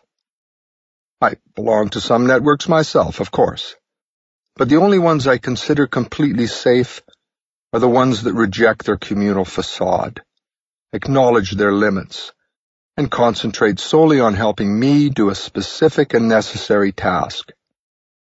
But a vampire network, like a school, which tears off huge chunks of time and energy needed for building community and family, and always asks for more, needs to have a stake driven through its heart and be nailed into its coffin. The feeding frenzy of formal schooling has already wounded us seriously in our ability to form families and communities by bleeding away time we need with our children and our children need with us. That's why I say we need less school, not more. Who can deny that networks can get some jobs done? They do. But they lack any ability to nourish their members emotionally. The extreme rationality at the core of networking is based on the same misperception of human nature the French Enlightenment and Comte were guilty of. At our best, we human beings are much, much grander than merely rational. At our best, we transcend rationality while incorporating its procedures into our lower levels of functioning. This is why computers will never replace people, for they are condensed to be rational and hence very limited. Networks divide people, first from themselves and then from each other, on the grounds that this is the efficient way to perform a task. It may well be, but it is a lousy way to feel good about being alive. Networks make people lonely. They cannot correct their inhuman mechanism and still succeed as networks. Behind the anomaly that networks look like communities but are not, lurks the grotesque secret of mass schooling, and the reason why enlarging the school domain will only aggravate the dangerous conditions of social disintegration it is intended to correct. I want to repeat this until you're sick of hearing it. Networks do great harm by appearing enough like real communities to create expectations that they can manage human social and psychological needs. The reality is that they cannot. Even associations as inherently harmless as bridge clubs, chess clubs, amateur acting groups, or groups of social activists will, if they maintain a pretense of whole friendship, ultimately produce that odd sensation familiar to all city dwellers of being lonely in the middle of a crowd. Which of us who frequently networks has not felt this sensation? Belonging to many networks does not add up to having a community, no matter how many you belong to or how often your telephone rings. With a network, what you get at the beginning is all you will ever get. Networks don't get better or worse. Their limited purpose keeps them pretty much the same all the time, as there just isn't much development possible. The pathological state which eventually develops out of these constant repetitions of thin human contact is a feeling that your friends and colleagues don't really care about you beyond what you can do for them, that they have no curiosity about the way you manage your life, no curiosity about your hopes, fears, victories, defeats.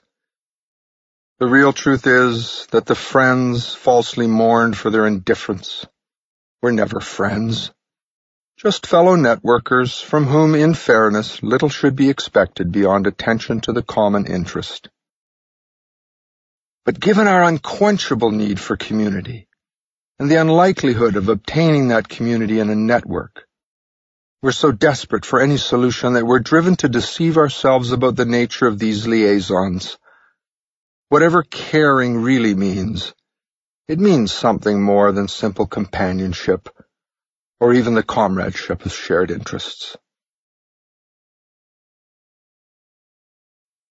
2. In the growth of human society, families came first, communities second, and only much later came the institutions set up by the community to serve it. Most institutional rhetoric, the proclaiming of what is important, borrows its values from those of individual families that work well together. Particularly over the past century and a half in the United States, spokesmen for institutional life have demanded a role above and beyond service to families and communities they have sought to command and prescribe as kings used to do, though there is an important difference. In the case of ancient kings, once beyond the range of their voices and trumpets, you could usually do what you pleased. But in the case of modern institutions, the reach of technology is everywhere. There is no escape if the place where you live and the family you live in cannot provide sanctuary. Institutions say their political philosophers are better at creating marching orders for the human race than families are. Therefore, they should no longer be expected to follow, but should lead. Institutional leaders have come to regard themselves as great synthetic fathers to millions of synthetic children, by which I mean to all of us.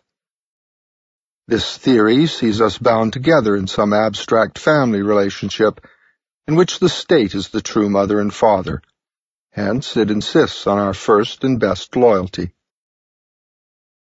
Ask not, said President Kennedy, what your country can do for you, but rather ask what you can do for your country. Since the you in question is both real and human, and the country you are alleged to possess is one of the most extreme of verbal abstractions, it will readily be seen that the President's injunction is an expression of a synthetic family philosophy, which regards nation as possessing a claim superior to the claim of family. If you see nothing wrong with this, then it is probable you also believe that with a little tinkering our schools will work just fine. But if you have a queer feeling about the image of yourself and your family as appendages of an abstraction, then we are on the same wavelength. In the latter case, we are ready to consider that we may need less school, not more. 3. I want to examine the destructive effects the false claim of institutional prerogative has on both individual and family life, a destructiveness equally profound whether the claim comes from a government, a corporation, or some other form of network. If we return to our original discussion of networks, it will be clear that every one of our national institutions is a place where men, women, and children are isolated, according to some limited aspect of their total humanity, by age, and a few other considerations in the case of compulsory schooling, as well as by various other sorting mechanisms in the other institutional arenas. If performance within these narrow confines is conceived to be the supreme measure of success, if, for instance, an A average is considered the central purpose of adolescent life, the requirements for which take most of the time and attention of the aspirant, and if the worth of the individual is reckoned by victory or defeat in this abstract pursuit, then a social machine has been constructed which, by attaching purpose and meaning to essentially meaningless and fantastic behavior, will certainly dehumanize students, alienate them from their own human nature, and break the natural connection between them and their parents, to whom they would otherwise look for significant affirmations.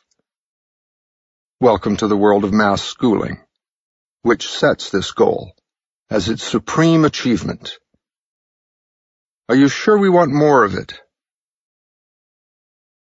As we approach the 21st century, it is correct to say that the United States has become a nation of institutions, whereas it used to be a nation of communities. Large cities have great difficulty supporting healthy community life, partly because of the coming and going of strangers, partly because of space constrictions, partly because of poisoned environments, but mostly because of the constant competition of institutions and networks for the custody of children and old people, for monopolizing the time of everyone else in between. By isolating young and old from the working life of places, and by isolating the working population from the lives of young and old, institutions and networks have brought about a fundamental disconnection of the generations. The griefs that arise from this have no synthetic remedy. No vibrant, satisfying communities can come into being where young and old are locked away. Here and there, mutilated versions of community struggle to survive, as in places where cultural homogeneity has been fiercely protected, such as in Bensonhurst in Brooklyn, or Polish Hill in Pittsburgh. But in the main, community in cities and suburbs is a thin illusion confined to simulated events like street festivals. If you have moved from one neighborhood to another or from one suburb to another and have quickly forgotten the friends you left behind, then you will have experienced the phenomenon I refer to. Over 90% of the United States population now lives inside 50 urban aggregations. Having been concentrated there as the end product of fairly well understood historical processes, they are denied a reciprocal part in any continuous, well-articulated community.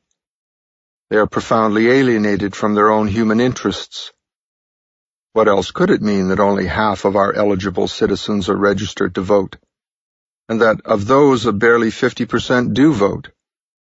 In two-party jurisdictions, a trifle over one-eighth of the citizenry is thus sufficient to elect public officials, assuming the vote splits fairly evenly. We've come a long way down the road to redefining as an option what used to be regarded as a duty. But that is what alienation from community life quickly accomplishes. Indifference to almost everything. When one is offered institutional simulations of community, a steady diet of networks, involuntary like schools, or voluntary like isolated workplaces divorced from human variety, Basic human needs are placed in the gravest jeopardy. A danger magnified many times in the case of children. Institutional goals, however sane and well-intentioned, are unable to harmonize deeply with the uniqueness of individual human goals. No matter how good the individuals who manage an institution are, institutions lack a conscience, because they measure by accounting methods. Institutions are not the sum total of their personnel, or even of their leadership, but are independent of both and will exist after management has been completely replaced. They are ideas come to life, ideas in whose service all employees are but servo mechanisms. The deepest purposes of these gigantic networks are to regulate and to make uniform, since the logic of family and community is to give scope to variety around a central theme. Whenever institutions intervene significantly in personal affairs, they cause much damage. By redirecting the focus of our lives from families and communities to institutions and networks, we in effect anoint a machine our king. 4. Nearly a century ago, a French sociologist wrote that every institution's unstated first goal is to survive and grow, not to undertake the mission it has nominally staked out for itself. Thus, the first goal of a government postal service is not to deliver the mail. It is to provide protection for its employees and perhaps a modest status ladder for the more ambitious ones.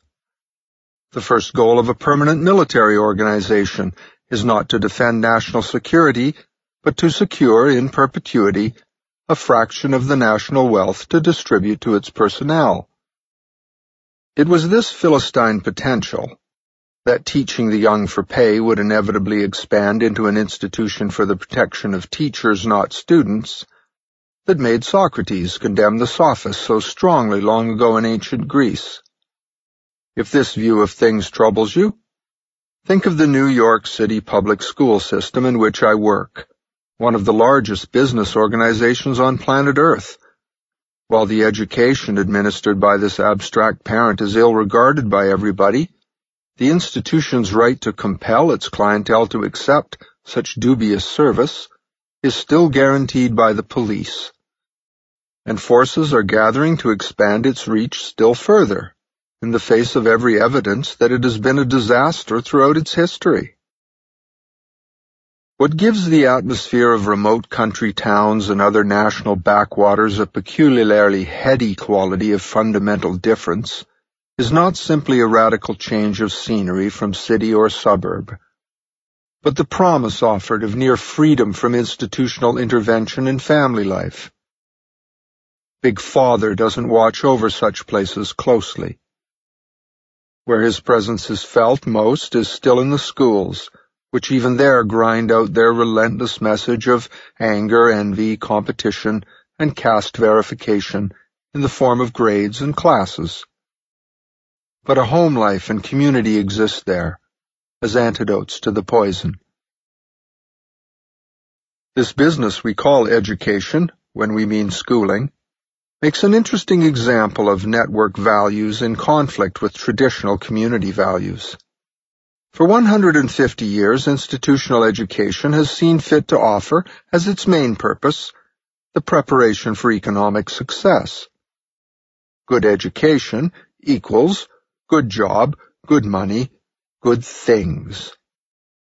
This has become the universal national banner, hoisted by Harvards as well as high schools. This prescription makes both parent and student easier to regulate and intimidate as long as the connection goes unchallenged either for its veracity or in its philosophical truth. Interestingly enough, the American Federation of Teachers identifies one of its missions as persuading the business community to hire and promote on the basis of school grades, so that the grades equals money formula will obtain. Just as it was made to obtain for medicine and law after years of political lobbying. So far, the common sense of business people has kept them hiring and promoting the old-fashioned way using performance and private judgment as the preferred measures. But they may not resist much longer. The absurdity of defining education as an economic good becomes clear if we ask ourselves what is gained by perceiving education as a way to enhance even further the runaway consumption that threatens the earth, the air, and the water of our planet. Should we continue to teach people that they can buy happiness in the face of a tidal wave of evidence that they cannot? Shall we ignore the evidence that drug addiction, alcoholism, teenage suicide, divorce, and other despairs are pathologies of the prosperous much more than they are of the poor? On this question of meanings we've hidden from ourselves for so long hangs both an understanding of the illness that is killing us and the cure we are searching for. What, after all this time, is the purpose of mass schooling supposed to be? Reading, writing, and arithmetic can't be the answer, because properly approached, those things take less than a hundred hours to transmit. And we have abundant evidence that each is readily self-taught in the right setting and time. Why then? Are we locking kids up in an involuntary network with strangers for 12 years? Surely not so a few of them can get rich. Even if it worked that way, and I doubt that it does, why wouldn't any sane community look on such an education as positively wrong? It divides and classifies people, demanding that they compulsively compete with each other, and publicly labels the losers by literally degrading them, identifying them as low-class material. And the bottom line for the winners is that they can buy more stuff? I don't believe that anyone who thinks about that feels comfortable with such a silly conclusion. I can't help feeling that if we could only answer the question of what it is we want from these kids we lock up, we would suddenly see where we took a wrong turn. I have enough faith in American imagination and resourcefulness to believe that at that point, we'd come up with a better way. In fact, a whole supermarket of better ways. One thing I do know, though, most of us who've had a taste of loving families, even a little taste, want our kids to be part of one. One thing I know is that eventually you have to come to be part of a place, part of its hills and streets and waters and people, or you will live a very, very sorry life as an exile forever. Discovering meaning for yourself as well as discovering satisfying purpose for yourself is a big part of what education is.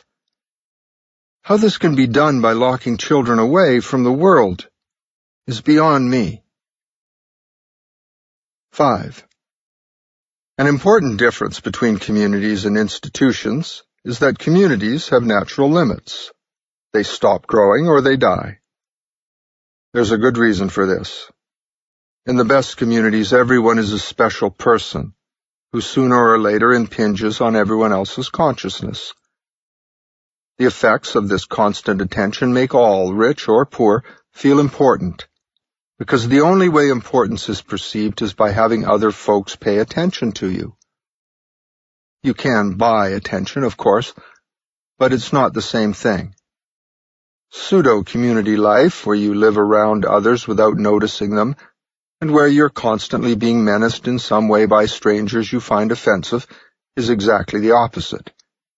In pseudo-community life, you are anonymous for the most part, and you want to be because of various dangers other people may present if they notice your existence. Almost the only way you can get attention in a pseudo-community is to buy it, because the prevailing atmosphere is one of indifference. A pseudo-community is just a different kind of network. Its friendships and loyalties are transient. Its problems are universally considered to be someone else's problems, someone else who should be paid to solve them.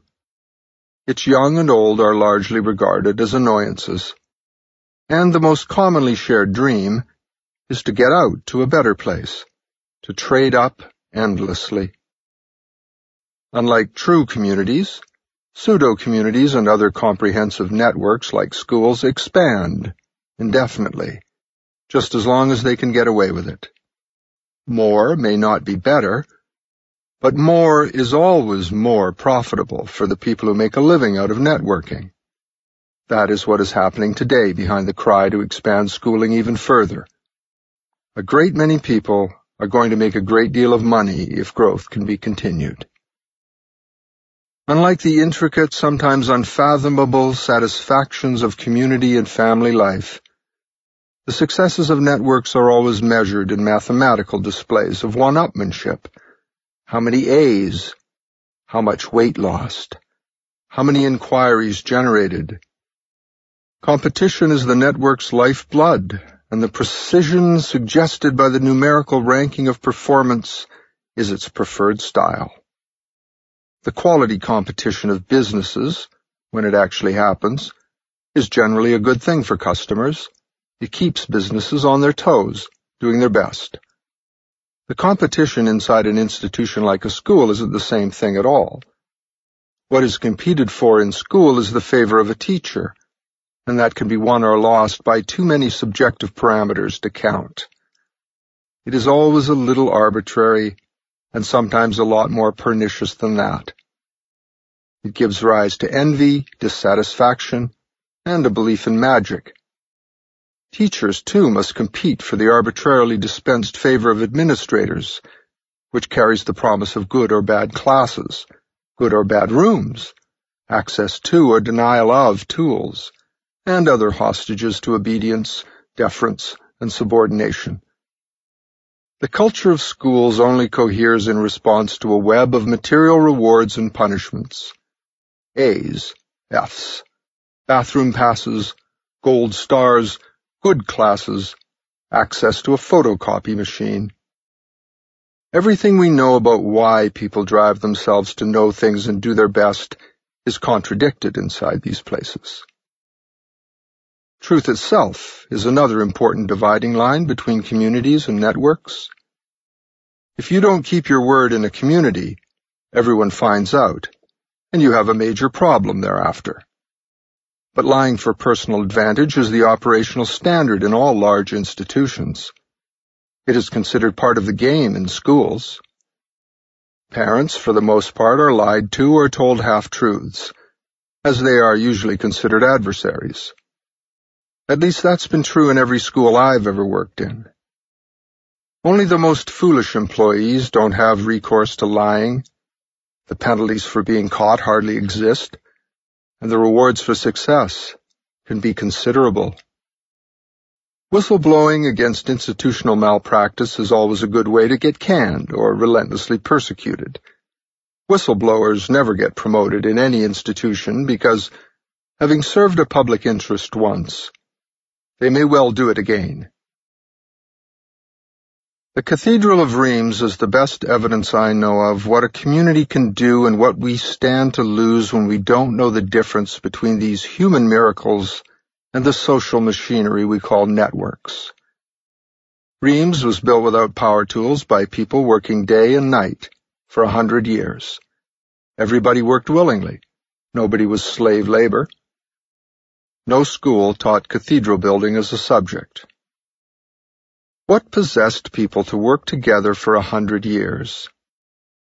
Whatever it was looks like something worth educating ourselves about. We know the workers were profoundly united as families and as friends, and as friends they knew what they really wanted in the way of a church. Popes and archbishops had nothing to do with it. Gothic architecture itself was invented out of sheer aspiration. The Gothic cathedral stands like a lighthouse illuminating what is possible in the way of uncoerced human union. It provides a benchmark against which our own lives can be measured. At Rheims, the serfs and farmers and peasants fill gigantic spaces with the most incredible stained glass windows in the world, but they never bothered to sign even one of them. No one knows who designed or made them, because our modern form of institutional boasting did not yet exist as a corruption of communitarian feeling. After all these centuries, they still announce what being human really means. 6.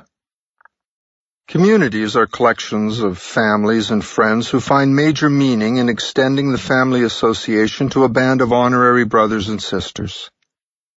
They are complex relationships of commonality and obligation that generalize to others beyond the perimeter of the homestead. When the integration of life that comes from being part of a family in a community is unattainable, the only alternative, apart from accepting a life in isolation, is to search for an artificial integration into one of the many expressions of network currently available. But it's a bad trade. Artificial integration within the realm of human association, think of those college dorms or fraternities, appears strong but is actually quite weak. Seems close-knit, but in reality has only loose bonds. Suggests durability, but is usually transient. And it is most often badly adjusted to what people need, although it masquerades as being exactly what they need. Welcome to the world of school. We should begin thinking about school reform by stopping these places from functioning like cysts, impenetrable, insular bodies that take our money, our children, and our time and give nothing back. Do we really want more of it? In recent years, I've given much thought to the problem of turning the compulsory school network into some kind of emotionally rewarding community because a move seems to be afoot to do the reverse, to enlarge substantially the bite that schooling takes out of a young person's family time, community time, and private time. Trial balloons are floated about constantly in the press and on TV, meaning that some important groups are preparing to extend the reach of compulsory schooling in the face of its genuinely ghastly record. My Jewish friends would call that chutzpah but I take it as an index of just how confident these people are that they can pull it off. Schools, I hear it argued, would make better sense and be better value as 9 to 5 operations, or even 9 to 9 ones, working year-round. We're not a farming community anymore, I hear, that we need to give kids time off to tend the crops. This New World Order schooling would serve dinner, provide evening recreation, offer therapy, medical attention, and a whole range of other services which would convert the institution into a true synthetic family for children. Better than the original one for many poor kids, it is said. And this would level the playing field for the sons and daughters of weak families. Yet it appears to me as a school teacher that schools are already a major cause of weak families, and weak communities. They separate parents and children from vital interaction with each other and from true curiosity about each other's lives. Schools stifle family originality by appropriating the critical time needed for any sound idea of family to develop. Then they blame the family for its failure to be a family. It's like a malicious person lifting a photograph from the developing chemicals too early and then pronouncing the photographer incompetent. A Massachusetts senator said a while ago that his state had a higher literacy rate before it adopted compulsory schooling than after. It's certainly an idea worth considering. Schools reached their maximum efficiency long ago, meaning that more for schools will make things worse instead of better. 7. Whatever an education is, it should make you a unique individual, not a conformist. It should furnish you with an original spirit with which to tackle the big challenges. It should allow you to find values which will be your roadmap through life. It should make you spiritually rich, a person who loves whatever you're doing, wherever you are, whomever you are with. It should teach you what is important, how to live and how to die. What's gotten in the way of education in the United States is a theory of social engineering that says there is one right way to proceed with growing up. That's an ancient Egyptian idea, symbolized by the pyramid with an eye on top. The one that's on the other side of George Washington on our $1 bill. Everyone is a stone defined by its position on the pyramid, this theory has been presented in many different ways, but at bottom it signals the worldview of minds obsessed with the control of other minds, obsessed by dominance and strategies of intervention to maintain that dominance. It might have worked for the pharaohs, but it certainly hasn't worked very well for us. Indeed, nothing in the historical record provides evidence that any one idea should dominate the developmental time of all the young. and yet aspirants to monopolize this time have never been closer to winning the prize. The humming of the great hive society foreseen by Francis Bacon and by H. G. Wells in The Sleeper Awakes has never sounded louder than it does to us right now. The heart of a defense for the cherished American ideals of privacy, variety, and individuality lies in the way we bring up our young. Children learn what they live. Put kids in a class, and they will live out their lives in an invisible cage, isolated from their chance at community. Interrupt kids with bells and horns all the time, and they will learn that nothing is important. Force them to plead for the natural right to the toilet, and they will become liars and toadies. Ridicule them, and they will retreat from human association. Shame them, and they will find a hundred ways to get even. The habits taught in large-scale organizations are deadly.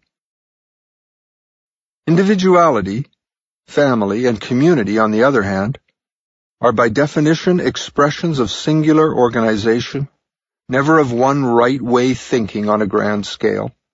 Private time is absolutely essential if a private identity is going to develop and private time is equally essential to the development of a code of private values, without which we aren't really individuals at all. Children and families need some relief from government surveillance and intimidation if original expressions belonging to them are to develop. Without these, freedom has no meaning. The lesson of my teaching life is that both the theory and the structure of mass education are fatally flawed. They cannot work to support the democratic logic of our national idea because they are unfaithful to the democratic principle. The democratic principle is still the best idea for a nation, even though we aren't living up to it right now. Mass education cannot work to produce a fair society because its daily practice is practice in rigged competition, suppression, and intimidation. The schools we've allowed to develop can't work to teach non-material values.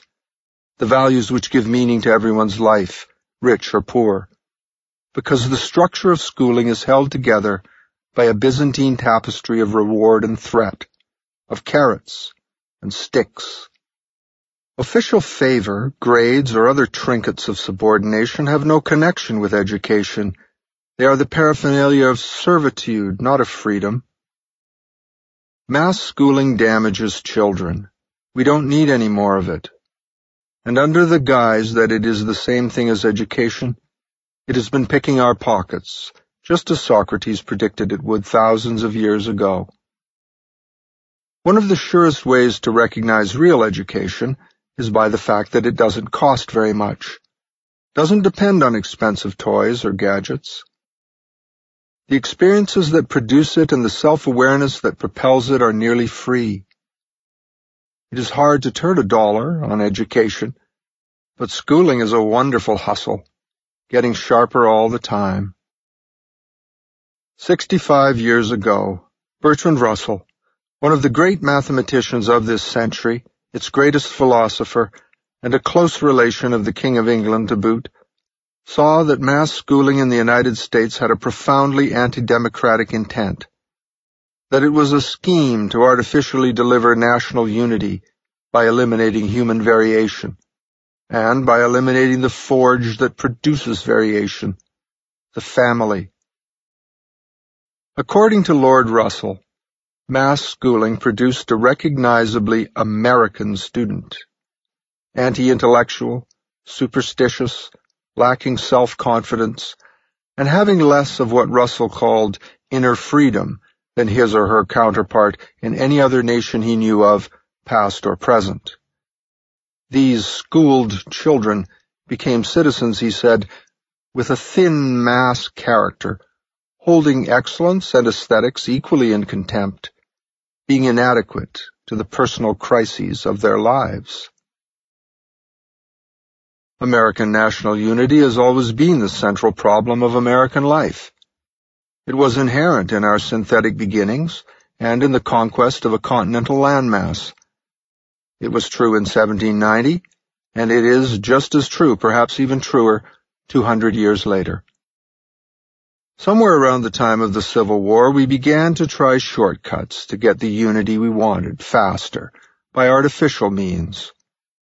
Compulsory schooling was one of those shortcuts, perhaps the most important one. Take hold the children, said John Cotton back in colonial Boston. And that seemed such a good idea that eventually the people who looked at unity almost as if it were a religious idea did just that. It took 30 years to beat down a fierce opposition, but by the 1880s it had come to pass. They had the children. For the next 110 years, the One Right Way crowd has been trying to figure out what to do with the children, and they still don't know. Perhaps it is time to try something different. Good fences make good neighbors, said Robert Frost. The natural solution to learning to live together in a community is first to learn to live apart as individuals and as families. Only when you feel good about yourself can you feel good about others. But we attack the problem of unity mechanically, as though we could force an engineering solution by crowding the various families and communities under the broad, homogenizing umbrella of institutions, like compulsory schools. The outcome of this scheme was that the democratic ideas that were the only justification for our national experiment were betrayed. The attempt at a shortcut continues, and it ruins families and communities now, just as it did then. Rebuild these things and young people will begin to educate themselves with our help, just as they did at the nation's beginning. They don't have anything to work for now except money and that's never been a first-class motivator. Break up these institutional schools. Decertify teaching. Let anyone who has a mind to teach bid for customers. Privatize this whole business. Trust the free market system. I know it's easier said than done. But what other choice do we have? We need less school. Not more. Chapter 5 The Congregational Principle. The Beginning of an American Solution to Our School Problem. This talk, eventually one of the most popular arrows in my peripatetic speaker's quiver, began life in a slightly altered form as an essay in the Maine Scholar. These are surrealistic times, the scientific school establishment continues to float plans for further centralization in the form of national standards, a national curriculum, and improved national standardized testing. Magical promises are everywhere. Machines are the answer, massive interventions are the answer, new forms of preschooling are the answer, baseball bats, bullhorns, and padlocks are the answer. In the face of a century and a half of searching for it unsuccessfully, nobody seems to doubt for a minute that there is an answer. One answer. The one right answer. Perhaps you agree. Perhaps not. But if some lingering doubt exists in your mind about the possibility of a central prescription ever touching the school disease, then come with me, for a while, back to colonial New England, where a different theory of institutions existed a theory which might lead to the best kind of rethinking, reform, where serious mistakes are self-limiting and, in historical terms, quickly foreclosed by natural market mechanisms. Come with me, to the coasts of colonial New England, to towns like Salem and Marblehead, Framingham and Dedham, Wellfleet and Provincetown. Consider a different perspective that grew out of the soil of a new world, a perspective that shocked other nations with the productivity of its genius. This new system began with the first Puritan church at Salem, organized in 1629 by the so-called Salem Procedure. No higher up was around to approve the selection of the church authorities, so the congregation took that responsibility upon themselves. With that simple act, they took power that had traditionally belonged to some certified expert and placed it in the hands of people who went to church. That was the sole criterion of governance, that a voter took going to church seriously and joined a congregation as evidence. It was an act of monumental localism. For the next 200 years, that simple shedding of traditional authority corroded the monopoly power of the state and church to broadcast uniform versions of the truth. Each separate congregation took a vigorous role in particularizing its own parish through debate of lay members, not through the centralization inherent in pronouncement by outside authority. Each separate congregation took on responsibility for solving its own problems, whether of education, economics, or doctrine, rather than submitting to the old authority of England or to the new aristocracy of expertise. Last fall I spoke in the town of Dedham at a church built in 1638, only nine years after the Arbella brought the nonconformists to Boston. The church I spoke in was Unitarian Universalist, but had originally been Congregational. White spire, strikingly plain, graceful lines, the simplicity and rightness of Congregational church architecture is absolutely unmistakable, remarkable, and uniform. You may or may not be aware that the style of worship that went with this style of architecture was the original and exclusive religion of the Massachusetts Bay Colony. From the Salem procedure until 1834, over 200 years of what seems on the surface to be a one right way religion. You were either a Congregationalist or you weren't anything you dared to speak of in public, at least without risk of being shunned, persecuted, or even burned at the stake. So far this sounds even worse than the school monopoly that ruins us, doesn't it? These Congregationalists were so jealously protective of their monopoly that 170 years ago, when Lyman Beecher got word that Unitarians were on their way out from the bowels of hell, he rode through the streets just like Paul Revere, warning, the Unitarians are coming, the Unitarians are coming. You'll gather Parson Beecher wasn't exactly thrilled with their advent. But an amazing thing happened over the next century. The Congregationalists slowly changed their minds, without being forced to do so. By the end of the 1800s, the Unitarians were well respected throughout New England. Most people think of colonial New England as embodying the greatest period of conformity this country has ever seen. But the very nature of Congregationalism hides a very great irony. Structurally, this way of life demands individuality, not regimentation. The service is almost free of liturgy, emphasizing local preaching about local issues. This virtually guarantees dissonance inside the congregation. The constant struggle for clarity by every church member acting as his or her own priest, his or her own expert, invariably leads to progress toward truth. Why do I say that? Well, what I've just described is the process that Aristotle and Karl Marx and Thomas Hobbes and any of a large number of creative thinkers have called the dialectic. The congregational procedure was dialectical, down to its roots, in a way acutely hostile to hierarchical thinking. Central planners of any period despise the dialectic because it gets in the way of efficiently broadcasting one right way to do things. Half a century ago, Bertrand Russell remarked that the United States was the only major country on earth that deliberately avoided teaching its children to think dialectically. He was talking about 20th century America, of course, the land of compulsory government schooling, not the New England of congregational distinction. Did you wonder where Yankees got their lasting reputation for stubbornness, orneriness, and shrewd hair splitting? Now you know. Roger Williams saw as clearly as any person of his time and recognized the inevitable connection between dissonance and the quality of life. You can't have one without the other. Much recent scholarship has shown the towns of Massachusetts in the 17th century not to be uniform at all, but to be laboratories of local choice and style, each had considerable flexibility to deviate from what might have been central government rule.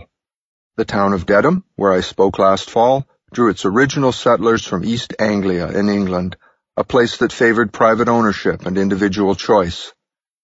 The institutions of East Anglia quickly established themselves in the New World too. On the other hand, Sudbury, the town next to Dedham, had been populated by colonists of Saxon and Celtic background, who traditionally shared their work. Just as they had done in Britain, they held open fields in common in America. In colonial Massachusetts, then, there was creative tension between the common culture of the region and the local village culture.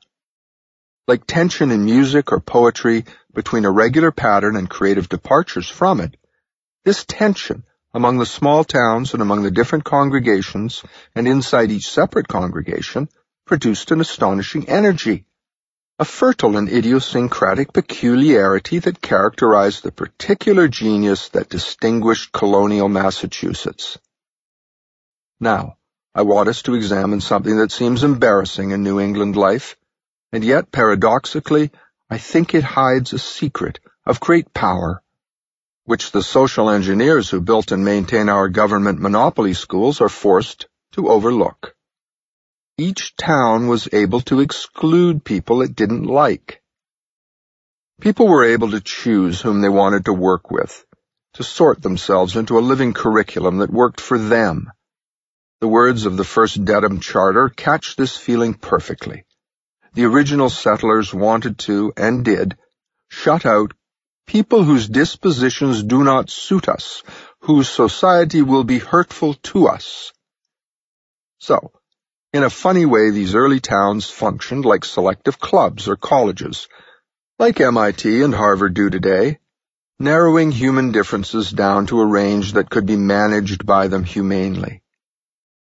If you consider the tremendous stresses the dialectical process sets up anyway, where all people are their own priests, their own final masters, it's hard to see how a congregational society can do otherwise. If you have to accept everyone, no matter how hostile they may be to your own personality, philosophy, or mission, then an operation would quickly become paralyzed by fatal disagreements. The common causes and purposes that mark human association at its best would then degrade into those few innocuous undertakings that have no political dimension, if such can be found. It's a subtle distinction. Living dialectically as the New Englanders did produces spectacular accomplishments, and brings out strong qualities of character and mind in individuals. But it isn't possible to manage where the whole catalogue of human beings is thrown together haphazardly or forced together, as it is in government monopoly school life. To prevent chaos in these places, management must aim by hook or by crook to make everything, time, space, texts, and procedures as uniform as possible. The Greeks had a story about a man who did just that. His name was Procrustes. He cut or stretched travelers to fit his guest bed. The system worked perfectly, but it played havoc with the traveler. These New Englanders invented a system where people who wanted to live and work together could do so. Yet the whole region seemed to prosper in wonderful ways, materially, intellectually, and socially. It was almost as if by taking care of your own business, you succeeded in some magical fashion in taking care of public business too. The habits of self-reliance, self-respect, fearlessness, democracy, and local loyalty produced good citizens. Government monopoly schools use a different blueprint these days, of course. People are drawn willy-nilly out of large catchment areas and dumped together into compartments according to similar scores on standardized tests. There they are exhorted to perform and behave according to the specifications of strangers. Christopher Lasch writes in The True and Only Heaven, quote, The capacity for loyalty is stretched too thin when it tries to attach itself to the hypothetical solidarity of the human race. It needs to attach itself to specific people and specific places, not to an abstract ideal of universal human rights. We love particular men and women, not humanity in general. Unquote. This catches a piece of what's wrong with compulsory schools as large as New England towns. schools that don't allow any choice of curricula, philosophy, or companions. Wendell Berry catches another piece of it in a letter to a magazine editor. Quote, I don't think global thinking is futile. I think it is impossible. You can't think about what you don't know, and nobody knows this planet. Some people know a little about a few small parts of it. The people who think globally do so by abstractly and statistically reducing the globe to quantities. Political tyrants and industrial exploiters have done this most successfully. Their concepts and their greed are abstract, and their abstractions lead with terrifying directness and simplicity to acts that are invariably destructive. If you want to do good and preserving acts, you must think and act locally. The effort to do good acts gives the global game away. You can't do a good act that is global. A good act, to be good, must be acceptable to what Alexander Pope called the genius of the place. This calls for local knowledge, local skills, and local love that virtually none of us has, and that none of us can get by thinking globally. We can get it only by a local fidelity that we would have to maintain through several lifetimes, I don't wish to be loved by people who don't know me. If I were a planet, I would feel exactly the same way. Unquote. Local skills, local knowledge, local love, and local fidelity were what the forge of Congregationalism in New England produced best. But there was a negative side to this localism as well. The religious discrimination of early New England was a way of ensuring enough local harmony that a community of people who suited each other could arise bearing a common vision. Here is a scene from 300 years ago in the town of Dedham, Massachusetts, which could have been witnessed from the very church where I spoke. Three Quaker women are stripped to the waist and whipped the length of town, tied to the tail of a cart. It would be an understatement to say that such treatment underlined the fact that the Quaker disposition was not one of those suited to Dedham.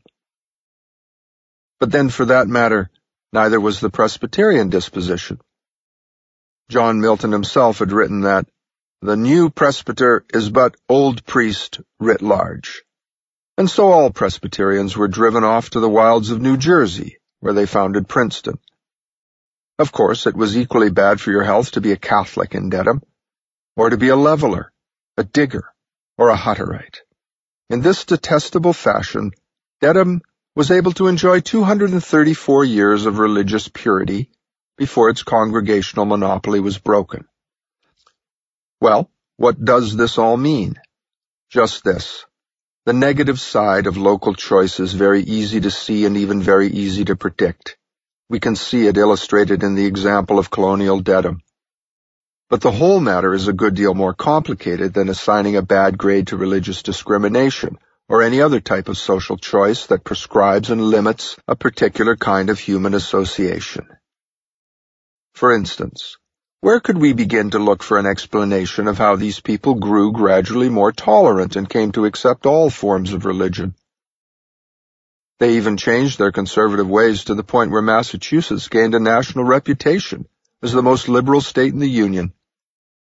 That's quite a flip-flop to account for in the absence of compulsion, intimidation, or potent enabling legislation, isn't it?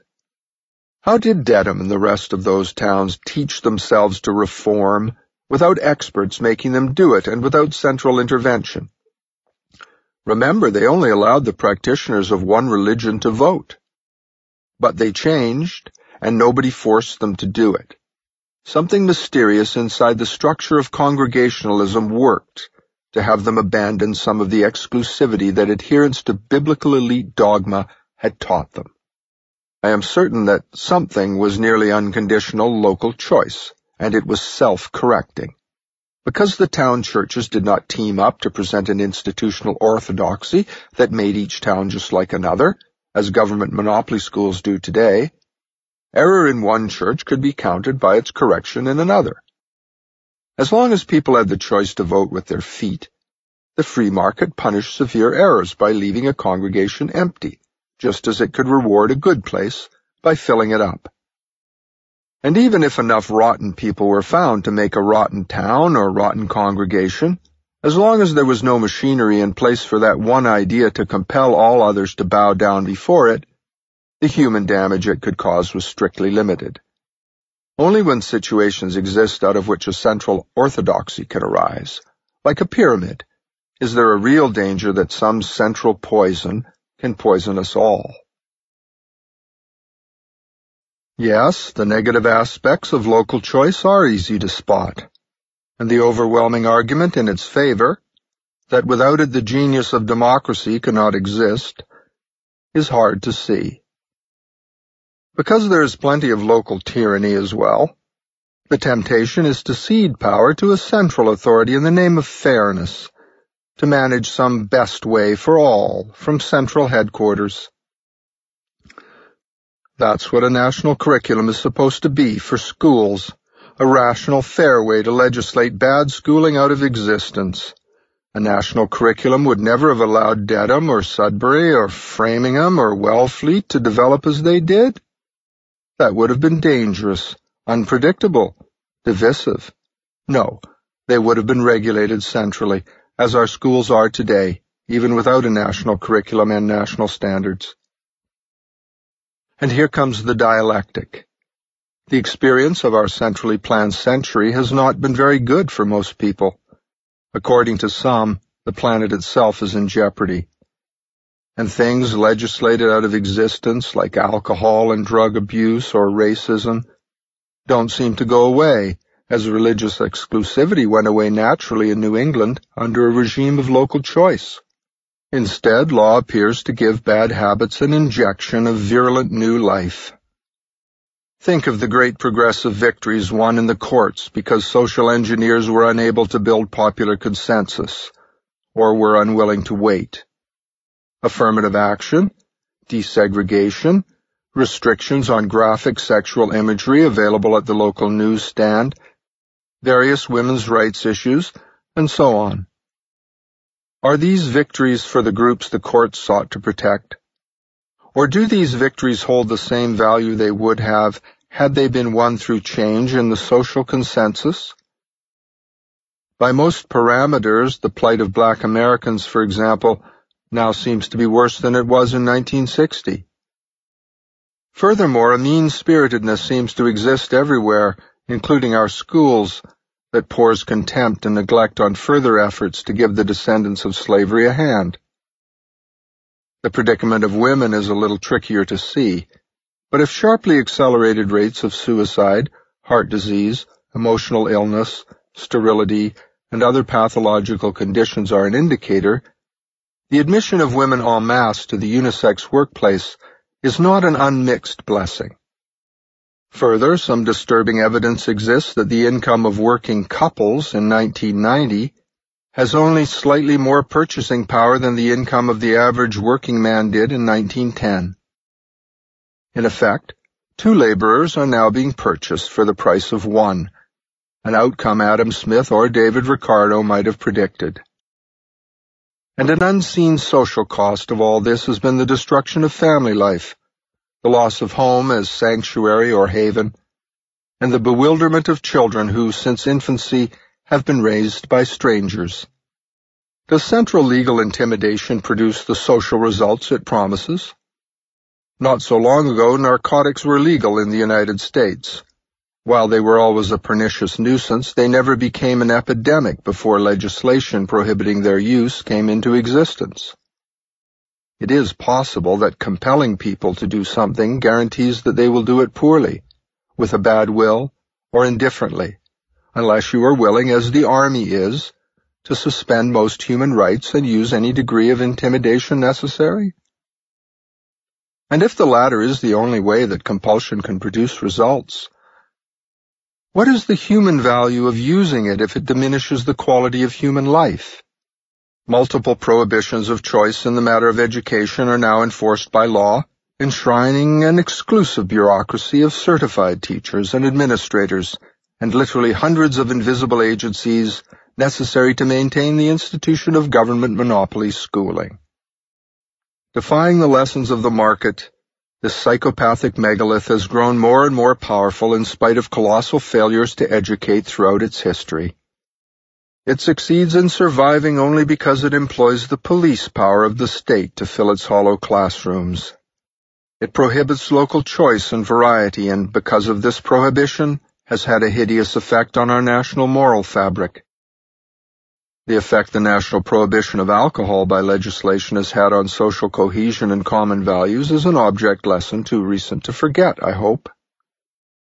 And compared to the prohibitions that compulsory government monopoly schooling imposes on children and families of a nation, alcohol prohibition is a minor episode.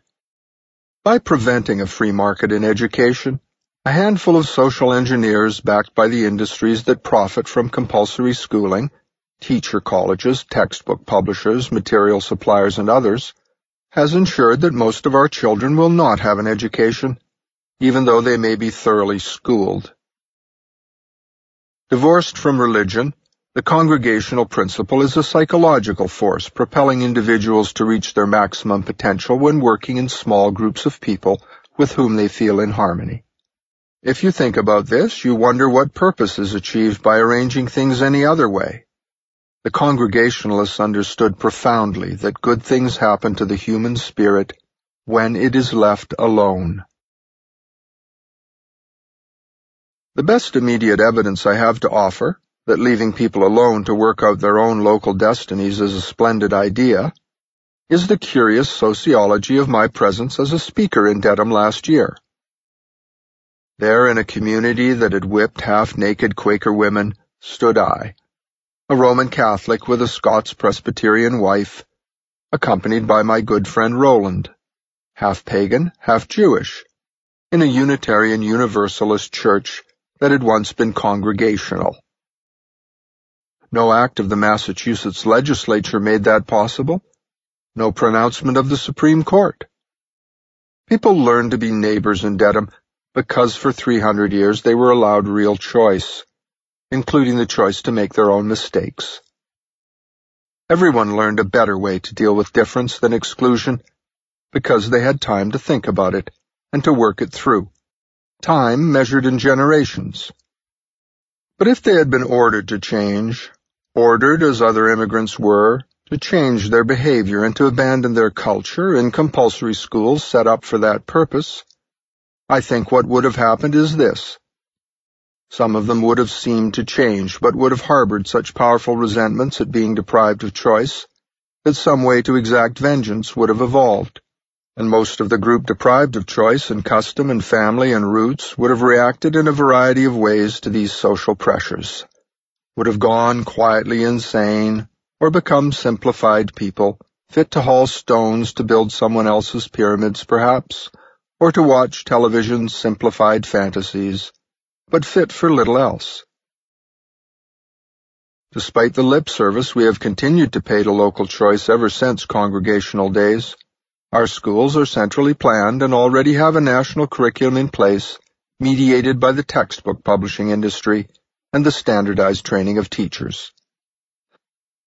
That our schools have failed spectacularly to give children the education we want for them, or the selves we want, or to deliver on the dream of the democratic, classless society we still yearn for is obvious enough.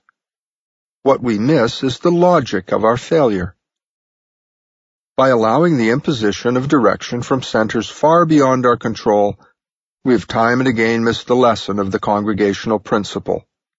People are less than whole unless they gather themselves voluntarily into groups of souls in harmony. Gathering themselves to pursue individual, family, and community dreams consistent with their private humanity is what makes them whole. Only slaves are gathered by others. And these dreams must be written locally, because to exercise any larger ambition without such a base is to lose touch with the things which give life meaning, self, family, friends, work, and intimate community. There seem to me to be two official ways to look at the state of education in the United States these days, both of them wrong. First, we conceive it to be an engineering problem that can be made to yield to a pragmatic instrumental approach. From this vantage point, there is a simple right and wrong way of schooling, never the thousand private individual possibilities the New England Congregationalists might have believed in. Second, we look upon schooling as if it were a character in a continuous courtroom drama, a drama wherein we search for the villains who have prevented our kids from learning. Bad teachers, poor textbooks, incompetent administrators, evil politicians, ill-trained parents, bad children. Whoever the villains may be, we shall find them, indict them, arraign them, prosecute them, perhaps even execute them. Then things will be okay. Out of these two wrong-headed ways of looking at education have grown enormous industries that claim power to cure mass education of its frictions or of its demons in exchange for treasure. Into this carnival of magical thinking has come a parade of profit seekers, analysts, consultants, researchers, academic houses, writers, advisors, columnists, textbook committees, school boards, testing corporations, journalists, teachers, colleges, state departments of education, monitors, coordinators, manufacturers, certified teachers and administrators, television programs, and hordes of school-related businesses, all parasitic growths of the government monopoly over the school concept. To many of us, the greatest attraction of social engineering and antisocial demonologies is that both, at bottom, promise a quick fix.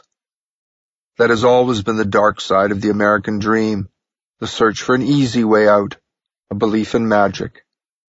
The endless parade of promises that constitutes the heart of American advertising, one of the largest of our national enterprises, testifies to the deep well of superstition in our national foundation which has been institutionalized in the advertising business. Easy money, easy health, easy beauty, easy education, if only the right incantation can be found. Lurking behind the magic is an image of people as machinery that can be built and repaired. This is our Calvinist legacy calling to us over the centuries, saying that the world and all its living variety is just machinery, not very hard to adjust if we put sentimentality aside and fire the villains, either symbolically or with actual bonfires, depending on the century. School reform to most of us is an engineer reaching for the right wrench, or Perry Mason finding the clue he needs to nail the bad guy. Ultimately, how we think about social problems depends on our philosophy of human nature what we think people are, what we think they are capable of, what the purposes of human existence may be, if any. If people are machines, then school can only be a way to make these machines more reliable. The logic of machines dictates that parts be uniform and interchangeable, all operations time-constrained, predictable, economical. Does this sound to you like the schools you attended? That your children attend? The Civil War unfortunately demonstrated beyond the shadow of a doubt both the financial and social utility of regimentation. But while this notion of people as machines has been around for thousands of years, its effective reign has only been operational since the end of World War I. American education teaches by its methodology that people are machines. Bells ring, circuits open and close, Energy flows or it is constricted. Qualities are reduced to a numbering system. A plan is followed of which the machine parts know nothing. Octavio Paz from Mexico, the 1990 winner of the Nobel Prize for Literature, has this to say about our schools. Quote, in the North American system, men and women are subjected from childhood to an inexorable process Certain principles contained in brief formulas are endlessly repeated by the press, radio, television, churches, and especially schools. A person imprisoned by these schemes is like a plant in a flower pot too small for it. He cannot grow or mature. This sort of conspiracy cannot help but provoke violent individual rebellions. Unquote. We cannot grow or mature like plants in two little flower pots. We are addicted to dependency, In the current national crisis of maturity, we seem to be waiting for the teacher to tell us what to do. But the teacher never comes to do that. Bridges collapse, men and women sleep on the streets, bankers cheat, goodwill decays, families betray each other, the government lies as a matter of policy. Corruption, shame, sickness, and sensationalism are everywhere. No school has a curriculum to provide the quick fix. The old Congregationalists would have been able to put their finger at once on the reason pyramidal societies, such as the one our monopoly form of schooling sustains, must always end in apathy and disorganization. At the root they are based on the lie that there is one right way in human affairs, and that experts can be awarded the permanent direction of the enterprise of education. It is a lie because the changing dynamics of time and situation and locality render expertise irrelevant and obsolete shortly after it is anointed. Monopoly schooling has been the chief training institution of the Hive Society. It certifies permanent experts who enjoy privileges of status unwarranted by the results they produce. Because these privileges, once achieved, will not willingly be given over, Whole apparatuses of privilege have been fashioned that are impregnable to change. Even under the severest criticism, they grow larger and more dangerous because they nourish important parts of our political and economic system. In the most literal sense, they are impossible to reform because they've ceased to be human, having been transformed into abstract structures of superb efficiency, independent of lasting human control survival mechanisms. This is not a devil you can wrestle with, as Daniel Webster did with Old Scratch, but one that has to be starved to death by depriving it of victims. Monopoly schooling is the major cause of our loss of national and individual identity. Having institutionalized the division of social classes and acted as an agent of caste, it is repugnant to our founding myths and to the reality of our founding period. Its strength arises from many quarters, the anti-child, anti-family stream of history being one, but it draws its greatest power from being a natural adjunct to the kind of commercial economy we have that requires permanently dissatisfied consumers.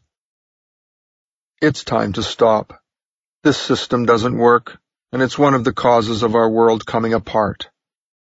No amount of tinkering will make the school machine work to produce educated people. Education and schooling are, as we all have experienced, mutually exclusive terms. In 1930, 60 years ago, Thomas Briggs, delivering the Inglis lecture at Harvard, charged that the nation's great investment in secondary education has shown no respectable achievement. Two decades later, in 1951, a survey made of 30,000 Los Angeles school children discovered that 75% of eighth graders couldn't find the Atlantic Ocean on a map, and most of them couldn't calculate 50% of 36. From my personal experience, I stand witness that the situation is certainly no better today. What on earth is going on? Any genuine debate would have to grapple with the uniform failure of every type of government monopoly school. With the addition of television, the destructive power of schooling is now awesome and thoroughly out of control. The television institution, very similar to the structure of mass schooling, has expanded so successfully that all the former escape routes are now blocked. We have destroyed the minds and characters of the nation's children by preempting their youth removing their choices. We will pay a huge price in lost humanity for this crime for another century, even if a way is found to overturn the pyramid. Getting rid of the monopoly is the beginning of an answer. What is there to do? Look to Dedham, to Sudbury, to Marblehead, and to Provincetown, all different yet all capable of meeting their community's needs. Turn your back on national solutions and toward communities of families as successful laboratories. Let us turn inward until we master the first directive of any philosophy worthy of the name. Know thyself. Understand that successful communities know the truth of the maxim, good friends make good neighbors, while at the same time being able to recognize, respect, understand, appreciate, and learn from each other's differences. Look to the congregational principle for answers. Encourage and underwrite experimentation. Trust children and families to know what's best for themselves. Stop the segregation of children and the aged in walled compounds. Involve everyone in every community in the education of the young. Businesses, institutions, old people, whole families. Look for solutions and always accept a personal solution in place of a corporate one. You need not fear educational consequences. Reading, writing, and arithmetic aren't very hard to teach if you take pains to see that compulsion and the school agenda don't short-circuit each individual's private appointment with themselves to learn these things. There is abundant evidence that less than a hundred hours is sufficient for a person to become totally literate and a self-teacher. Don't be panicked by scare tactics into surrendering your children to experts. Teaching must, I think, be decertified as quickly as possible. That certified teaching experts like me are deemed necessary to make learning happen is a fraud and a scam. Look around you. The results of teacher college licensing are in the schools you see. Let anybody teach who wants to. Give families back their tax money to pick and choose. Who could possibly be a better shopper if the means for comparison were made available? Restore the congregational system by encouraging competition after a truly unmanipulated free market model. In that way, the social dialectic can come back to life. Trust in families and neighborhoods and individuals to make sense of the important question, what is education for? If some of them answer differently from what you might prefer, that's really not your business, and it shouldn't be your problem. Our type of schooling has deliberately concealed the fact that such a question must be framed and not taken for granted if anything beyond a mockery of democracy is to be nurtured. It is illegitimate to have an expert answer that question for you. It was our own trust in our own potential that helped lay down good foundations back in the colonial period. I feel certain that the structure we built then still houses powerful potential Let's use it once again and create a truly American solution to the great school nightmare. Afterword to the 10th anniversary edition. Greetings. As I sit here trying to think of something to say that might illuminate the effect dumbing us down continues to have on my life and the lives of others, faxes, letters, emails, notes, and manuscripts have completely taken over my six-room apartment in Manhattan, as well as my 128-acre farm in upstate New York, each and every one bearing on some aspect of the institutional soup I began to stir with the publication of that book. My correspondents honor me with words I hardly deserve. Thank you for your dedication to the task of unraveling this pestilence. Tears come to my eyes from an odd mix of joy and anger. And a former teacher had this to say. This book tied together many loose ends that I felt intuitively but could not pin down. I bought twelve copies, sharing them with coworkers and many friends. Because of your book, one of these families has made the decision to homeschool while several others are now contemplating doing so. Over the years, I've had nearly a thousand letters like that, from all over the world. Tying the decision to homeschool to a chance encounter with dumbing us down. From Cuajimalpa, Mexico, came this one. I had refused my wife's idea to homeschool our children until I read your book. What an impact it made on my life. Now I'm happy to see the rapid development of my daughters and the loving environment of our home. So is it false modesty that forces me to say that I hardly deserve such praise? Not so. For only I can be aware of how little I had to do consciously with the writing of this book. More honestly, it should be seen as a book that wrote itself, using me as scribe and confessor. Over the decades since Dumbing Us Down first saw the light of day, a full 15,000 of its readers took pains to see that I knew their personal reactions to the book's ideas and to augment my insights into the dismal reality of forced schooling with their own. A dazzling, exhausting, humbling, exhilarating torrent of protest. An outrage distilled from years of confinement, limitation, and humiliation. Years of intimidation, of chasing prizes not worth winning, of lost opportunities, of ruined relationships, often with one's own parents, family, neighbors, friends, and self, that came at times close to drowning me in grief. I could answer only a fraction of these communications, yet their cumulative presence and continual arrival year after year makes me conscious of just how widespread the harm institutional schooling inflicts really is, and of how grimly aware its victims are of the things it has caused them to lose, the greatest of which is self-knowledge, along with, perhaps, the capacity to fully love. Dumbing Us Down has been the catalyst that floats buried memories to the surface it reminds thousands of men and women of the moments when they struggled to be themselves, only to be broken to a meaner destiny by bells, insults, and standardized tests.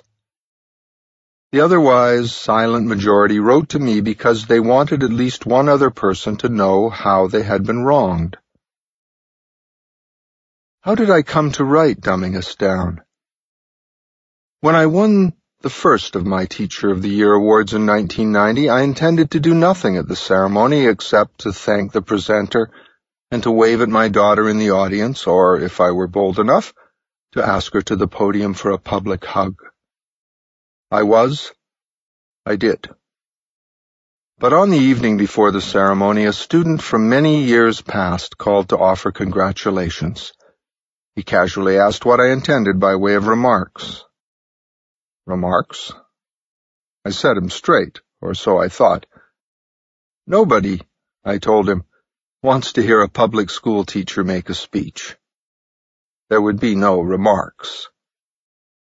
But you have to make a speech, he demanded.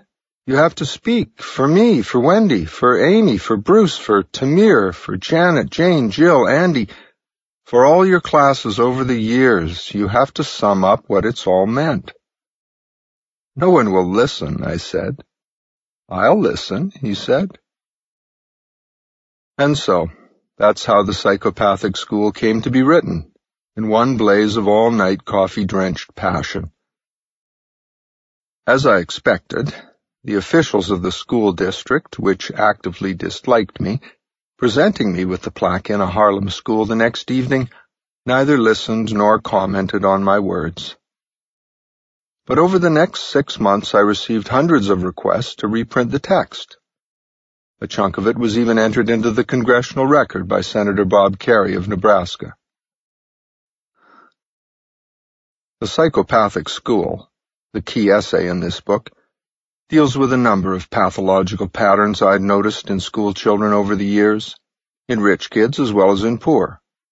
My speech's rapid dissemination all over the land, by word of mouth and small journal, quickly led to requests for an explanation of what specific mechanisms might account for these pathologies.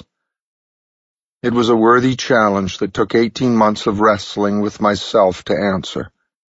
Just in time for the ceremony in Albany naming me New York State Teacher of the Year for 1991, I began to see clearly my own role in the crime. Thus, parts of the seven-lesson school teacher comprised my acceptance speech before the State Commissioner of Education. And so, that one, too, was reprinted in hundreds of journals, op-ed pages, and homeschool magazines. Both of these talks were finished at the last minute, cost me a groaning to write, and did not arise from any process of ratiocination that I had been familiar with.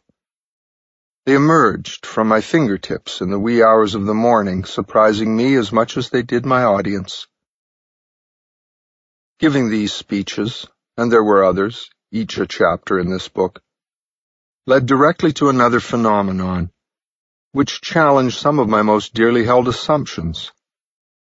There was an outpouring of invitations to speak to groups so diverse that, had they been assembled together in one room, they surely would have killed one another Suffice it to say that in short order, a fellow from Monongahela, Pennsylvania, who had spent most of his adult life speaking to 13-year-old children, found himself speaking in the Western White House, in the old Senate office building, to the Cato Institute, the Nashville Center for the Arts, the NASA Space Center's Engineers Colloquium, Apple Computers, the Eagle Forum, the United Technologies Corporation, and the farm commune, as well as before government bureaus in Singapore, Kuala Lumpur, Bogota, and elsewhere.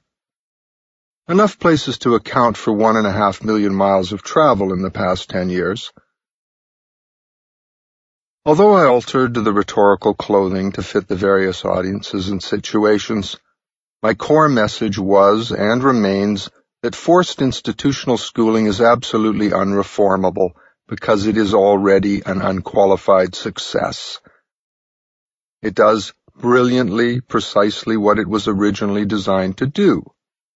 That is, to be the educational component of a centralized mass production economy directed from a handful of command centers. Such an economy has desperate needs. In order to work, it requires a particular kind of human resource, specifically one driven to define itself by purchasing things, by owning stuff, by evaluating everything from the perspective of comfort, physical security, and status. Schools are a great mechanism to condition the onrushing generations to accept total management, to impose a kind of lifelong childishness on most of us in the interests of scientific management.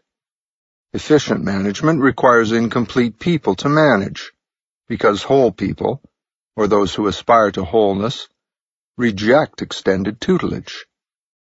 It's impossible to grow up under total management, whether that's total quality management or any other version. Centralized mass production economies, however, can demand no less than this if they are to survive. The piece Green Monongahela, like the others, was written in response to my auditor's constant questions about who I was and how I'd come to think this way. It has a hidden agenda that I'm now prepared to expose.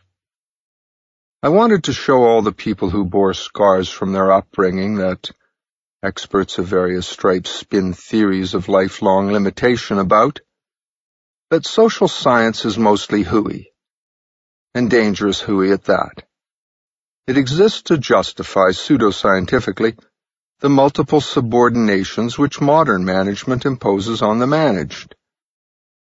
If I could demonstrate through my own example that I turned out okay, even though I sprang from a family of eccentric geniuses who fought one another tooth and nail on a daily basis, that I became independent, self-reliant, civil, and reasonably principled even though, had the authorities known some of the events which transpired behind our doors, we would have been in deep trouble. I might become a mirror in which others could see their own stories reflected and affirmed. By my own example, I hope to become a living refutation to the cult of anointed expertise which has poisoned every aspect of our liberties. Time we were done with this thing. This was once a land where every sane person knew how to build a shelter, grow food, and entertain one another. Now we have been rendered permanent children. It's the architects of forced schooling who are responsible for that. I credit any success I had in finding a way to be valuable to young people to the accident of my family and the accident of growing up in a place, Monongahela, where people punched anyone who minded their business too closely. and to the fact that my libertarian upbringing turned me inadvertently into a saboteur of oppressive schemes. Lest that pass as idle hyperbole, let me confess that every single day of my life as a schoolteacher, I chanted a litany to myself while shaving in the morning. In it I pledged to find that very day a way, however small, to throw sand in the gears of the system. Someday I'll write about the particulars, but probably under a nom de plume because the details would surely result in a stretch behind bars. I urge all of you who ask me about what to do in your own schools to become such saboteurs, to become little drops of water that erode this wasteland of forced institutional schooling. The last two essays in the book, We Need Less School, Not More, and The Congregational Principle, represent my attempts to find the broad outlines of a solution to the problem of modern schooling. Once long ago we had the problem solved, and became a beacon of hope to others because of it. The rise of industrial society, with cheap unlimited energy promising riches without precedent, if only the liberty impulses of ordinary people could be reined in, covered the traces of those earlier discoveries, yet not so deeply that they can't be unearthed again, that they can't be resurrected and become the banner to follow. Read these essays slowly, forgetting how comprehensively schooling destroyed your grasp of the vital nature of historical understanding. Argue with the nuances of my reasoning. The best America is about argument, not about premature consensus. Both pieces explore inexpensive alternatives to the inane institution that chokes the life out of our children. Since dumbing us down, I've written four other books, one an epic poem still unpublished called The Adventures of Snyder, the CIA Spider. But Dumbing Us Down remains my favorite because it opened my eyes to the harm I had caused in order to make a living. These days I'm trying to build a rural retreat and library on 128 acres I own in upstate New York.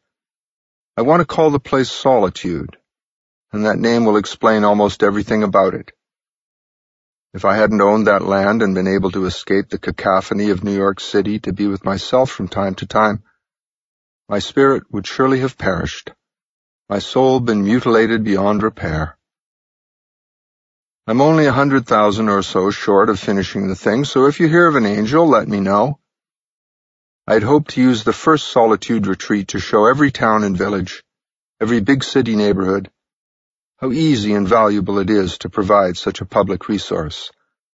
A place where one can be alone with oneself, with no schedule, no agenda, no lectures, no classes, no planned recreation. And I'm up to some major mischief, trying to produce a long, definitive documentary film about the history and the anomalies of, as well as the antidotes for, modern institutional forced schooling. I'm only six or seven million short on that project. But a script is in hand, a national network of assistants created, a production crew organized, and a sample made.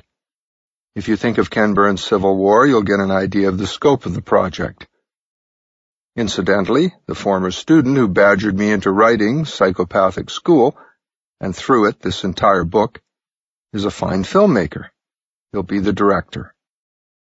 Both these undertakings are discussed at some length on my website, www.johntaylorgatto.com, where, if the demon overtakes you, you can also send me your thoughts from time to time.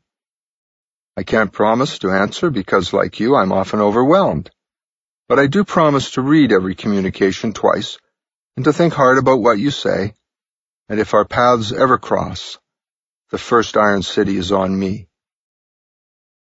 God's mercy on us all. John Taylor Gatto, Oxford, New York, January 2002.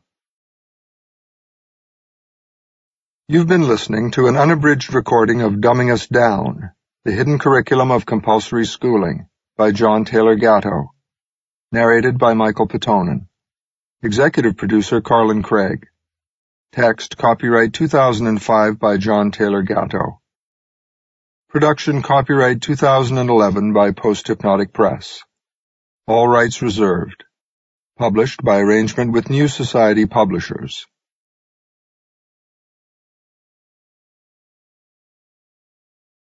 Audible hopes you have enjoyed this program.